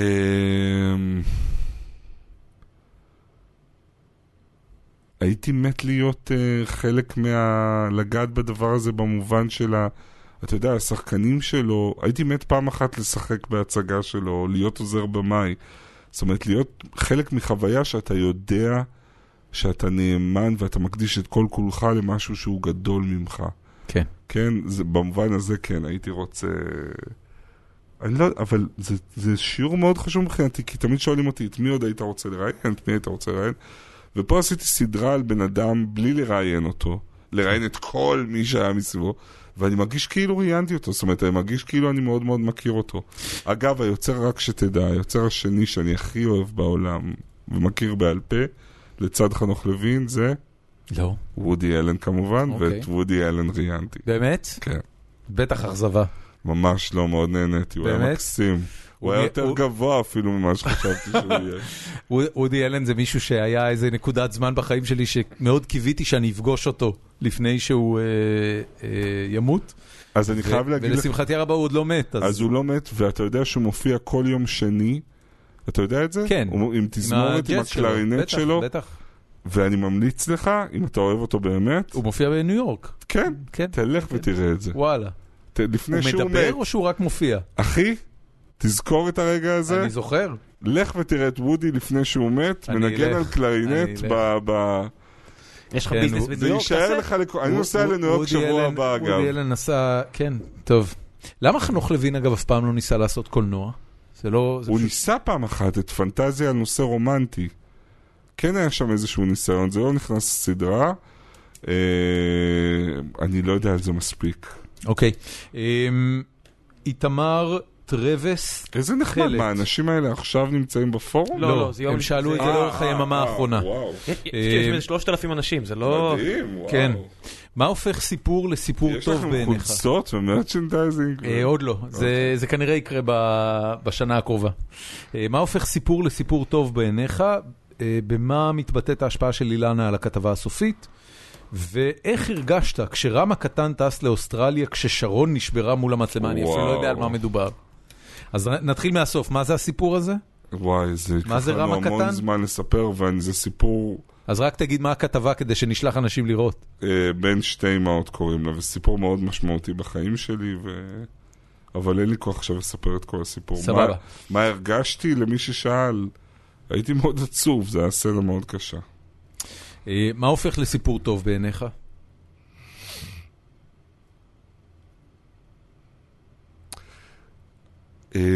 אני אגיד לכם מה הופך, אני לא יודע אם זה סיפור טוב, אבל משהו שהייתי, מה הופך סיפור לסיפור שהייתי מת לצלם, ועם השנים יש פחות ופחות כאלה, זה כשאני מרגיש שיש סוד גדול גדול גדול, או סוד, שיש שם סוד, נגיד עליך אחרי שעה וחצי איתך, אני יודע שיש לך סוד. באמת? היה איזה רגע, סתם שאלה אחת ששאלתי, שברור לי שיש לך, זה לא סוד מאוד גדול, זה סוד, אבל, אבל ברור לי ש... לא חשוב, אתה לא חשוב. יש לי- יש לי. סוד גדול ראם? לא גדול, אבל יש לך סוד, זה אני יודע, שיש לך סוד. למי אין סודות? אוקיי, נכון. מה, בחייך? לך כאילו? יש סוד, ראם. בטח שיש לו סוד. ההוא שהרגתי? כן, אה. בין היתר. הרגת מישהו? אבל אני חושב, כשה- בדוח כתבו ש... כשאני פוגש, כשאני פוגש, בית המשפט קבע אחרת. כשאני פוגש גיבור של כתבה, או מישהו שאנחנו, מעניין אותנו וזה, וברור לי בשלב מסוים שא', יש משהו שהוא לא, שיש מרחק בין הפסאדה, בין התדמית לבין מי שהוא באמת, וב', שיש בו משהו שמת לספר את זה, זה הרגע שאני רוצה לצאת לדרך. כמה זמן עד שאתה מגלה את זה? זה בשלב התחקיר או זאת שאתה... שאלה מצוינת. באינסטינקט, כאילו, לא, לא תמיד אני צודק. בדרך כלל אני צודק, אבל הסוד הוא משהו אחר לגמרי ממה שחשבתי. ואז זה או קומי או טרגי, כאילו. הבן אדם עומד שם, אני לא מאמין שגילית את זה, הייתי בטוח שאתה אוהב עוגות. זה, זה מאוד לואי ת'רו מה שהרגע אמרת. לואי ת'רו, ככה מרגישים כל הסרטים שלו. שזה מתחיל באיזה מין...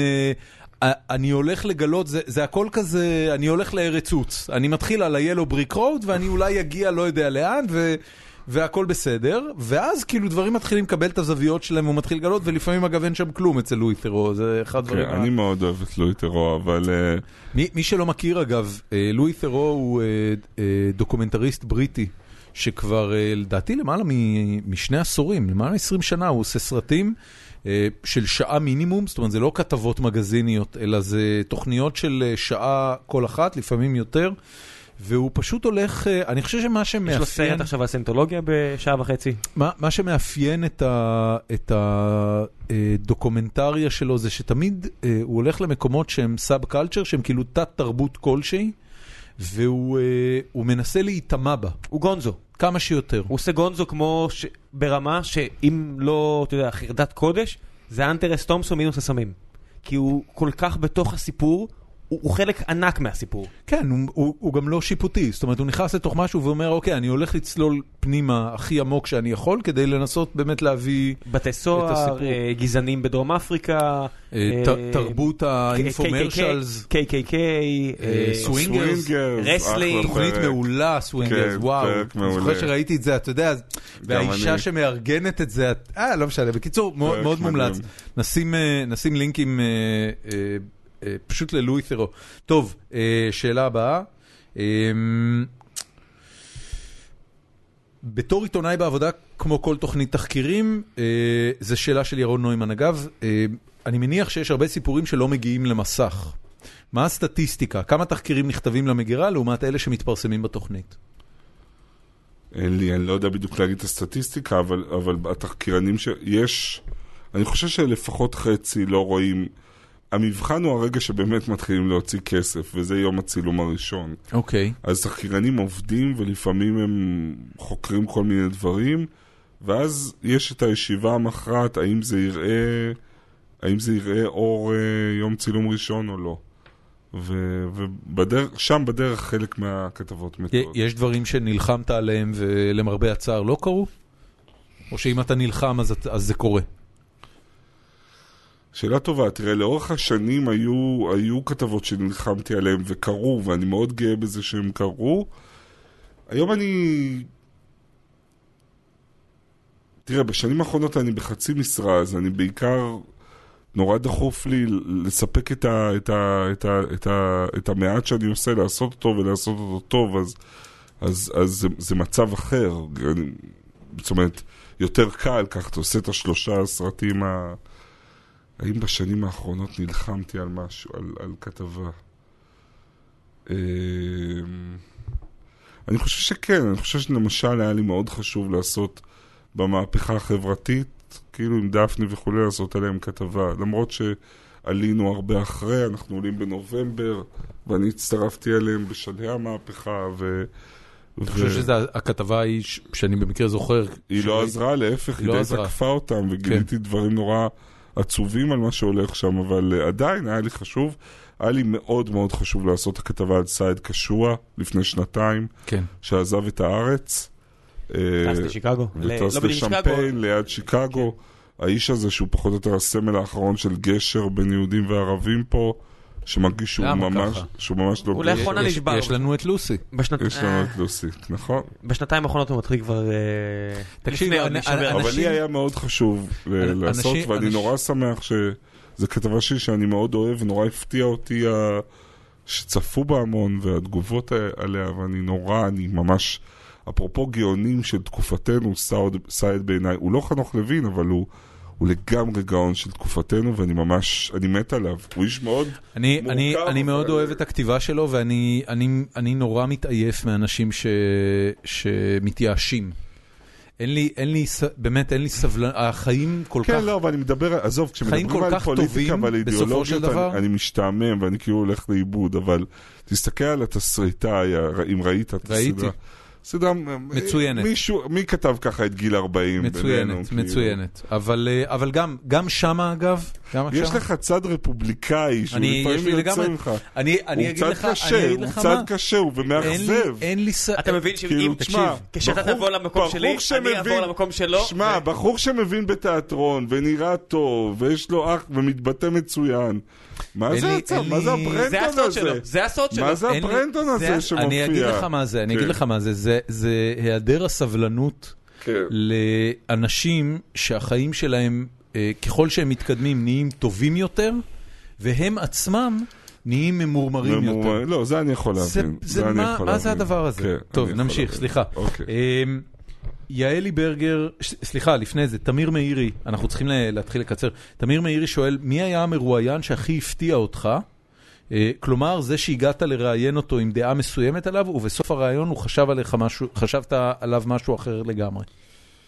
אה,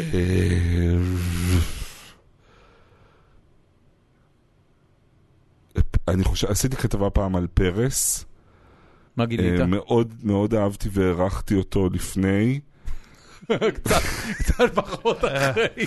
תבינו לבד מה אה. חשבתי אחרי חמישה ימים. אה, היה מאוד-. קשה, היה מאוד קשה, זה המרואיין? היחיד בחיי שלא הגעתי אליו. מדובר על 50 שעות צילום. הוא מכונה. לא חדרתי אפילו לשנייה אחת את ה... את ה... את ה... את התדמית, את כן. הפסאדה, לא עברתי אותה. לא יאמן, אני נזכר בזה ובא לי לצעוק הצילו. שוב. פרס הוא מכונה. ואגב, עשו עליו כמה סרטים טובי הדוקומנטריסטים, איש מהם לא הצליח. כן, זה מדהים, זאת משימה, לצערי כבר אי אפשר אה, לעשות את זה, אבל... אה, כן. אז פרס זה היה משהו אחר. איזה, פגשתי כל כך הרבה אנשים לא, פרס זה תשובה מרתקים. מעולה, אנחנו נשארים עם אוקיי. פרס. אני אני מת בוא על נגיד, התשובה אני הזאת. חייב לתת לך עוד דוגמה, אני תמיד אומר את זה, תמיד משפיל את עצמי, תמיד זה הופך לכותרת בסוף. אבל, לא, אז אני לא אגיד. אין פה אל כותרת. אני לא רואה את זה. אין פה כותרת. אנחנו אבל שעה... היה מאוד כיף עם נינט, אני חייב להגיד. נינט בחורה על הכיפאק. וואו, איזה כיף היה. כן. מה אתה עושה כדי לא להיכנס רגשית עמוק מדי לסיפורים שאתה מסקר אודותיהם? האם, האם זה בכלל מעניין אני אותך לא להיכנס? התייאשתי מעצמי, אני דפוק. אתה עושה את זה אני וזהו. דפוק, באמת דפוק. נכון שיש, אתה, אני הרבה שנים במקצוע, בואו לא, אני לא איזה, איזה מיש, אני לא דובון אכפת לי שאני נראה, זאת אומרת, אני לא מתרגש בקלות, אני בוודאי לא צוחק בקלות, מעט מאוד דברים מצחיקים אותי, אבל תמיד, אבל אנשים שאני מתחיל ללכת איתם את המסע ולצלול לעולם שלהם, ולפעמים אני עושה סיפורים באמת מאוד קשים, אני כמעט ב-95%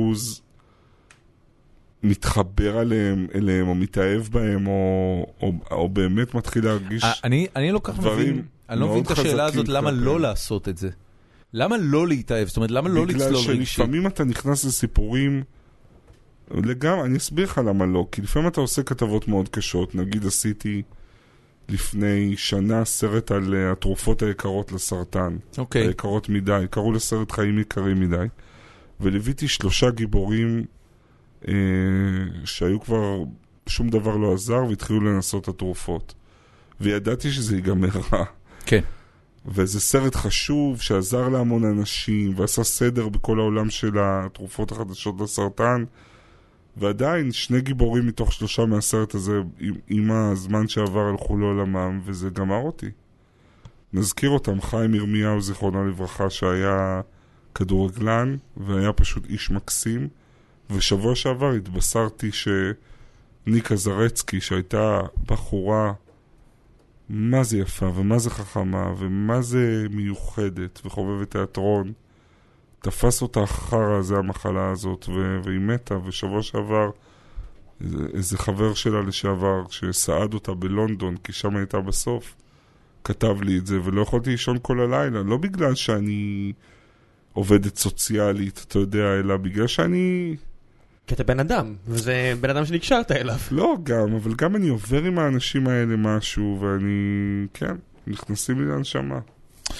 טוב, חברים, אנחנו סיימנו. רוני, בסוף כל פרק יש לנו חלק של אה, קידומים והמלצות. חשפנית יש. לא, לא, לא, זה ישבנו לבוקרשט. מעולם לא הייתה פה חשפנית, אוקיי. גם לא תהיה.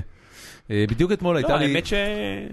חשפנית? לא. לדבר עם מישהי? אה, ברור, אבל אורחת. אתה יודע. הייתה אורחת חשפנית? לא, לא, לא, לא, לא. אוקיי. אה, לפחות לא שאנחנו יודעים. אה, זה הסוד האפל שחיפשת. גיא רולניק, אני חושד בך. בסוף כל פרק אנחנו עושים אה, חלק של אה, המלצות וקידומים. אז מכיוון שדיברנו קודם על ההרצאות שלך ואני יודע שאתה מרצה הרבה, אז בוא נתחיל מהמלצות וקידומים שלך. זה מעבר לקידומים הפרטיים שלך של ההרצאות, אז כל דבר, סדרות, ספרים, דברים שאתה אוהב, מה שאתה רוצה. וואו, למה לא אמרתם לי להתכונן בכוונה לא לדבר הזה? אמרנו. כי זה צריך להיות 119 מתוך 120 פעם פספסנו. שכחנו להגיד. אה, אוקיי. פעם אחת אמרתי, והיא באה עם רשימה. אה, רגע, גם אה, זיזו. מה, כל דבר שאני אוהב להגיד? לא, מה- משהו כאילו, אתה יודע, המלצה מהזמן האחרון. אה, המלצה אה, מהזמן האחרון. אה. אבל בוא אה. נתחיל מה- מההרצאות שלך, איפה ומתי אתה אה, רוצה. אני- להרצאה שלי קוראים רגע של, רגע של אמת, ואני מדבר בה על המלאכה המורכבת הזאת שנקראת לדבר עם בני אדם. אה, ובעיקר אני מראה את מצעד הקטסטרופות הגדולות שלי, לא את הרעיונות הכי נצפים והישגיים, אלא כל מיני רעיונות שזה לא עבד, שלא הייתה כימיה, שמרואיין קם באמצע הרעיון. יש קטע מפורסם עם הבן של ג'ון לנון, שעשיתי עליו כתבה, שון, שפשוט... ג'וליאן או שון? שון, שקם באמצע הרעיון, וזו כתבה מאוד משמעותית בחיים שלי, כי הוא קם וצעק עליי ויצא. למה הוא צעק והכל- עליך? זה סיפור, כי שאלתי אותו על אבא שלו. והוא לא אהב את זה? תבוא להרצאה, אני אספר. טוב. זה באמת סיפור, אחלה סיפור, ושלמדתי ממנו המון. אז אני בעיקר מראה כמה רגעים כאלה, שלמדתי מהם משהו על אינטראקציה עם בני אדם, גם על איך להיות בן אדם, איך לדובב, איך להשיג מה שאתה רוצה בלי לקבור את הצד השני. אז פחות או יותר זה ההרצאה, ו... ו- החברה, הסוכנת הרצאות שלי, אוי, זו מילה נוראית. מישהי שאני מאוד אוהב, קוראים לה קרן אלוף, והיא אה, אני מכיר את קרן אלוף. לעולם היא- הזה. פנינו, פנינו לקרן אה, כן, כן. שיתוף פעולה, וכל הזמן פספסתי אותו עם הטלפון, אם ניסתה להתקשר אליי, ניסיתי להתקשר אליה. אני ו- מרגיש שאני צריך ככה לעזור לכם, תיקי דיין, איתי אנגל, קרן אלוף. כן.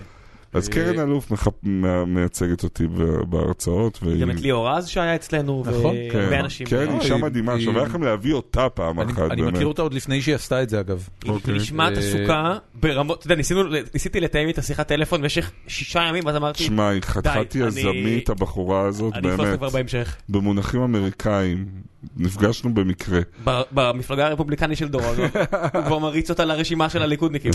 אתה יודע שהמפלגה הרפובליקנית, אה, אה, בבסיס האידיאולוגיה שלה, שחררה את העבדים. ב- בבסיס האידיאולוגיה שלה, אה, יש את יש- העיקרון לך- פשוט- אתה כאילו מחליף מסך בעיניים לא כשאתה להיות- נהיה רפובליקני.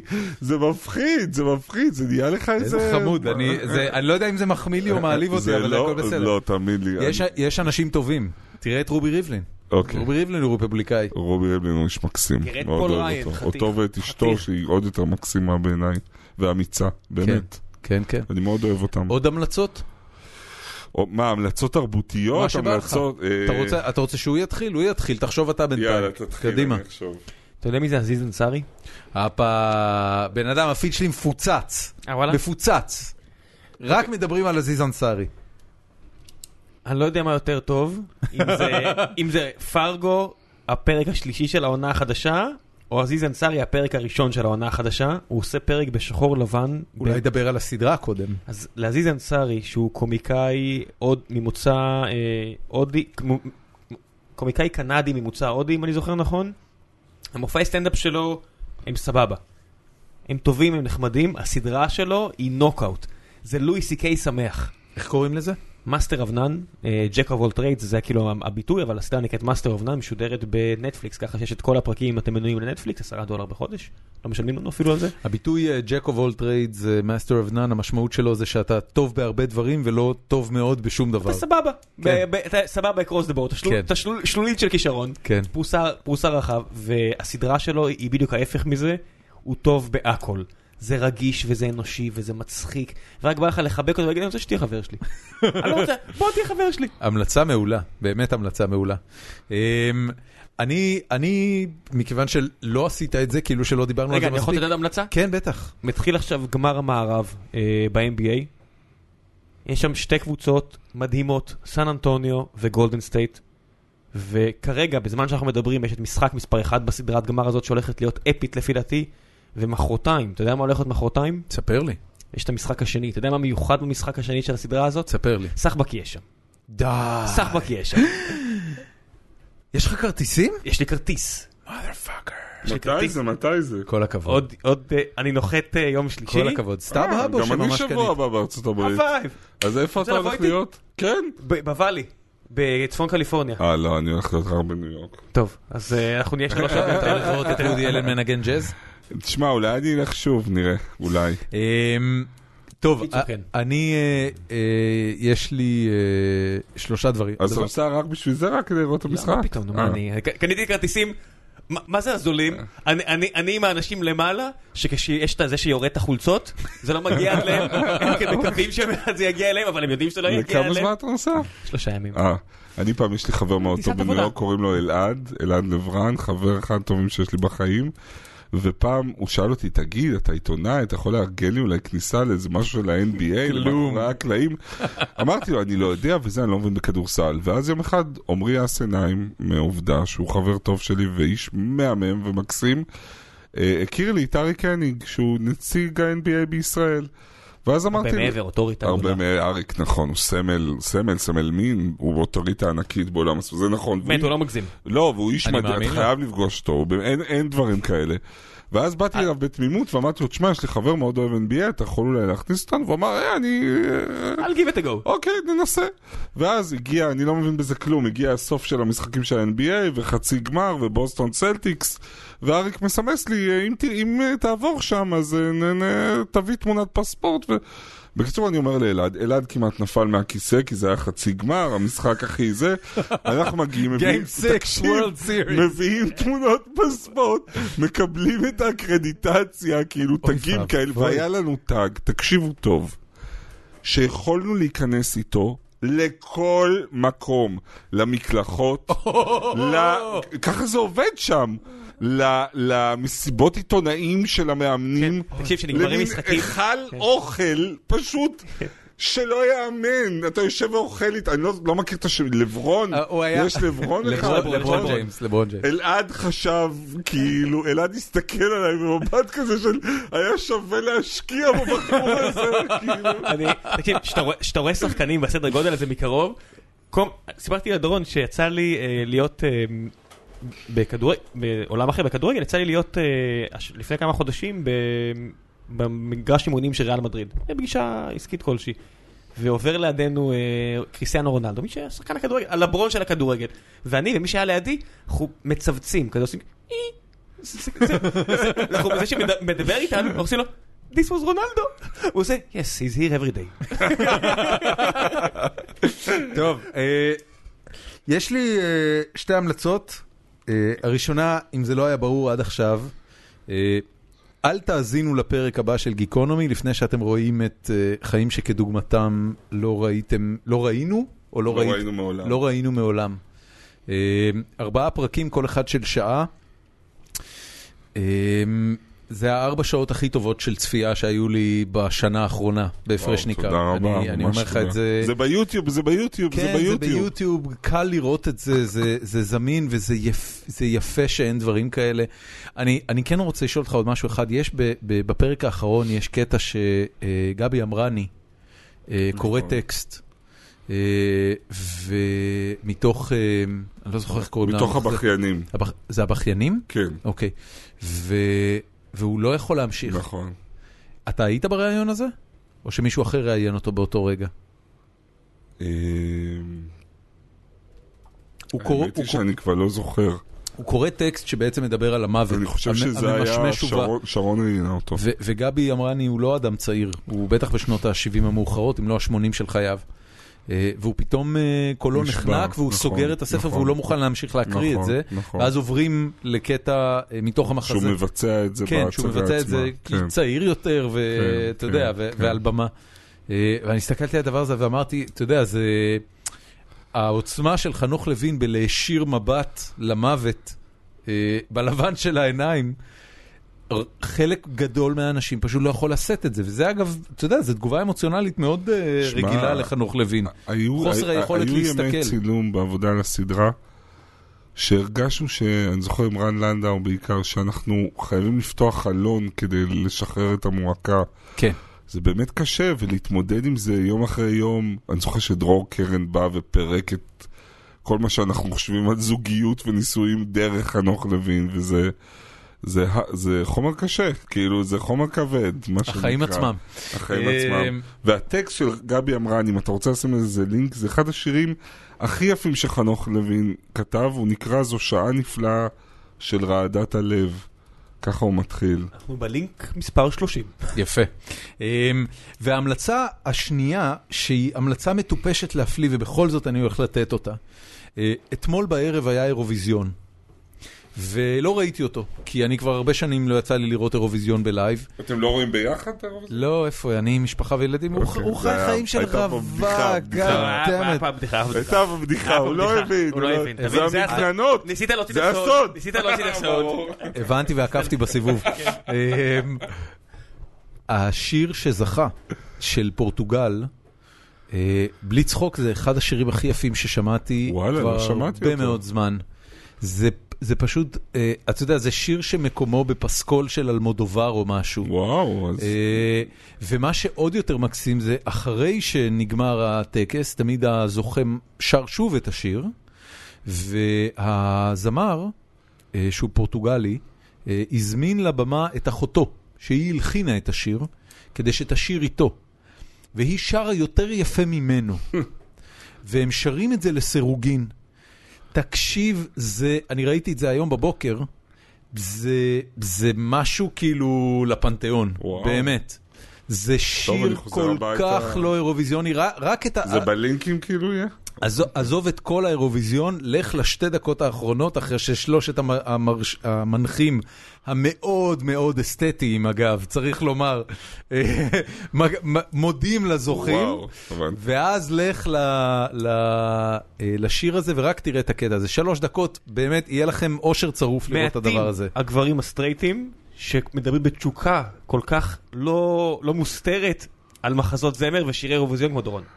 כן, אני בן אדם, אני, אני סטרייט כמו קרש. אני מתבייש להגיד כמעט, אבל, אני סטרייט כמו קרש. ומראה שגבר ערום עושה לו את זה. אני, אה, אה, אבל אני גדלתי בבית שחינכו אותי על תיאטרון ועל musicals. זה היה כאילו... לא, זה בסדר, אנחנו לא זה- מתנצלים פה על... אה, איזה- מתנצלים. כן. 2017, להפך, מי ש- טראמפ לא לא יעצור אותנו. מי שלא לא. ככה צריך להתנצל. נכון. זהו, אז יש לך עוד המלצות לפני שאנחנו מסיימים? רשמת על היד, אני כן, רואה. רשמתי. אה, קודם כל אני רוצה לה- להגיד, להגיד תודה רק, לא ציינתי שני אנשים, את, אה, ובגלל שזו תוכנית כל כך ארוכה, אז אני נורא רוצה את איתי לנצברג, מנהל המחלקה הדוקומנטרית בערוץ אחד, נוכח כל מה שקרה, האיש ששם את הביצים שלו על השולחן כדי שהסדרה הזאת תקרה, אז קודם כל, המון תודה לו, ולשי ודפנה מארץ ההפקות שהקיזו דם והפסידו הרבה כסף על הפרויקט הזה, אז תודה. באמת הפסידו כסף? נם הרבה כסף. כמה כסף הפסידו? לא יודע, הפסידו הרבה כסף. תקשיב, זה, זה בדיוק, אתה מבין, אני רואה, אני שומע את הדברים האלה, כן. זה בדיוק סוג הדברים שאני רוצה לתרום להם. נו, אז... אז, אז, אז למה, למה אין קיקסטארטר? למה אין משהו? שאלה מצוינת, לא... אין לי תשובה על זה, אני אשאל אותם. כאילו... תשאל טוב, אותם. דברים שאני רוצה כן, להמליץ עליהם מהר. אני... מה, שכתבתי על היד? תראה את הכפות ידיים האלה. אחי, אני כולי, אני ילד אייטיז כזה, מה אני... אה, תגיד לו, ת- אחי, אנחנו כבר ש- שעתיים ורבע, תן לו לגמור את ההמלצות. שנוכל ללכת הביתה. יאללה, המלצות. אה, יומנה של שפחה, ראיתם? הוא בדיוק דיבר על זה קודם. עדיין לא. וואו, וואו, וואו, וואו, וואו, זאת סי- זה טלוויזיה... אני מאוד אוהב אה, את האזורים האפלים של מדע בדיוני, פוגש דיסטופיה, פוגש מרגרית אטווד. מראות שחורות, מראה שחורה, זו סדרה שמאוד אהבתי. ראית את אוטופיה? את אוטופיה לא ראיתי. לא. מומלץ בחום, אפרופו דיסטופיות. וואו, איזה סדרה זה יומנה מומלץ שפחה. בחום. אם יש לכם ילדים, אני לא יודע. ואיזה תפקיד עושה שם הבחורה ממדמן, פגי, וואו, תפקיד שישים אותה ליד טוני סופרנו, תקשיבו לי טוב, בהיסטוריה של הטלוויזיה. אוקיי. תפקיד מדהים. אני רוצה להמליץ על קפה שאני יושב בו, ואני נורא אוהב, כי הוא פשוט קפה מעולה בתל אביב, קפה הנרייטה. אה, על ספר הנרייטה. שקראתי, ומתאים לכולנו, הדרמה של הגבריות החדשה של גבריאל בוקו- בוקובזה. רגע, רגע, אה, רגע, איך- בוקובזה. בוקובזה. איך זה- קוראים זה לה? עצמו בוקובזה, אני חושב. איך נקרא הספר? הדרמה של הגבריות החדשה. ספר מעולה, ואפרופו מחזות זמר, בביקורי האחרון בניו יורק ראיתי את המחזמר הכי יפה שראיתי בחיים. המילטון? קוראים לו, לא, קוראים, ואני דווקא לא עד כדי כך חובב, חובב מחזות זמר, אבל וואו, איזו יצירת מופת. קוראים לו Fun Home. Fun Home, הוא זכה בכל ה Tonys, הוא ירד לא מזמן, אבל אפשר למצוא את, ה, את ה score שלו, את הדיסק, אה, אפשר למצוא אותו ברשת. זה הדרמה המשפחתית, זה מחזה שהוא דרמה משפחתית, טרגדיה משפחתית, קורעת לב, הכל קורה בבית לוויות קטן, אבא, אימא, שלושה ילדים. למה אתה אומר שזה ירד? זה, אה, זה עוד רץ? אני רואה שיש כרטיסים בוויה גוגו.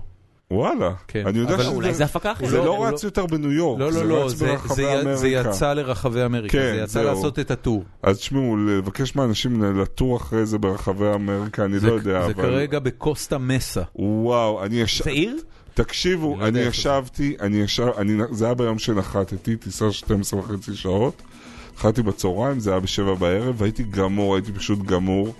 באתי לאולם, ומצאתי, אני מודה שהיה איזה רגע שנרדמתי לכמה דקות, כי הייתי גמור, והתעוררתי כששתי נשים שחורות, לסביות ענקיות, מחבקות אותי ובוכות. והבנתי למה, כאילו, זה פשוט חוויה מרגשת וגאונית ומבריקה. קודם כל זה כמעט, Fun Home. תקשיב, זה כמעט לגמרי... ותודה לאמיר קישון, יש לי שני חברים שאלוהים שלח אמיר אליי בניו הבן יורק. של? אמיר קישון ואלעד לברן. וואלה. ושבוע הבא, אני נוסע אליהם שבוע הבא. אני כל שנה, אשתי מפרגנת לי שנה, שבוע אחד בניו יורק איתם. תקשיב, זה- זה כמעט אה, זה כמעט שזה יהיה מאוד out. יפה מצד אשתי, נכון? לגמרי, אשתי מפרגנת עם- לי סקי ואני מעריץ אותה. עם. תינוק בן ארבעה חודשים, לא, זה קדושה. היא קדושה. ואתה לא. שרון, תודה, אני אוהב אותך. מאוד. ה top dad שלך? take take טוב. חברים, אנחנו היינו גיקונומי, רוני קובן, המון המון תודה תודה שבאת, רבה. והמון הצלחה גם בהרצאות ובכל יתר הדברים, ותודה רבה אישית מעומק הלב על אה. חנוך לוין. תודה. באמת, תמסור את זה בבקשה גם ליוצרים האחרים של הדבר המופלא הזה. זה הסב לי עונג שאין. לתאר. תודה רבה. אה, אנחנו היינו גיקונומי, נתראה בשבוע הבא, יאללה ביי.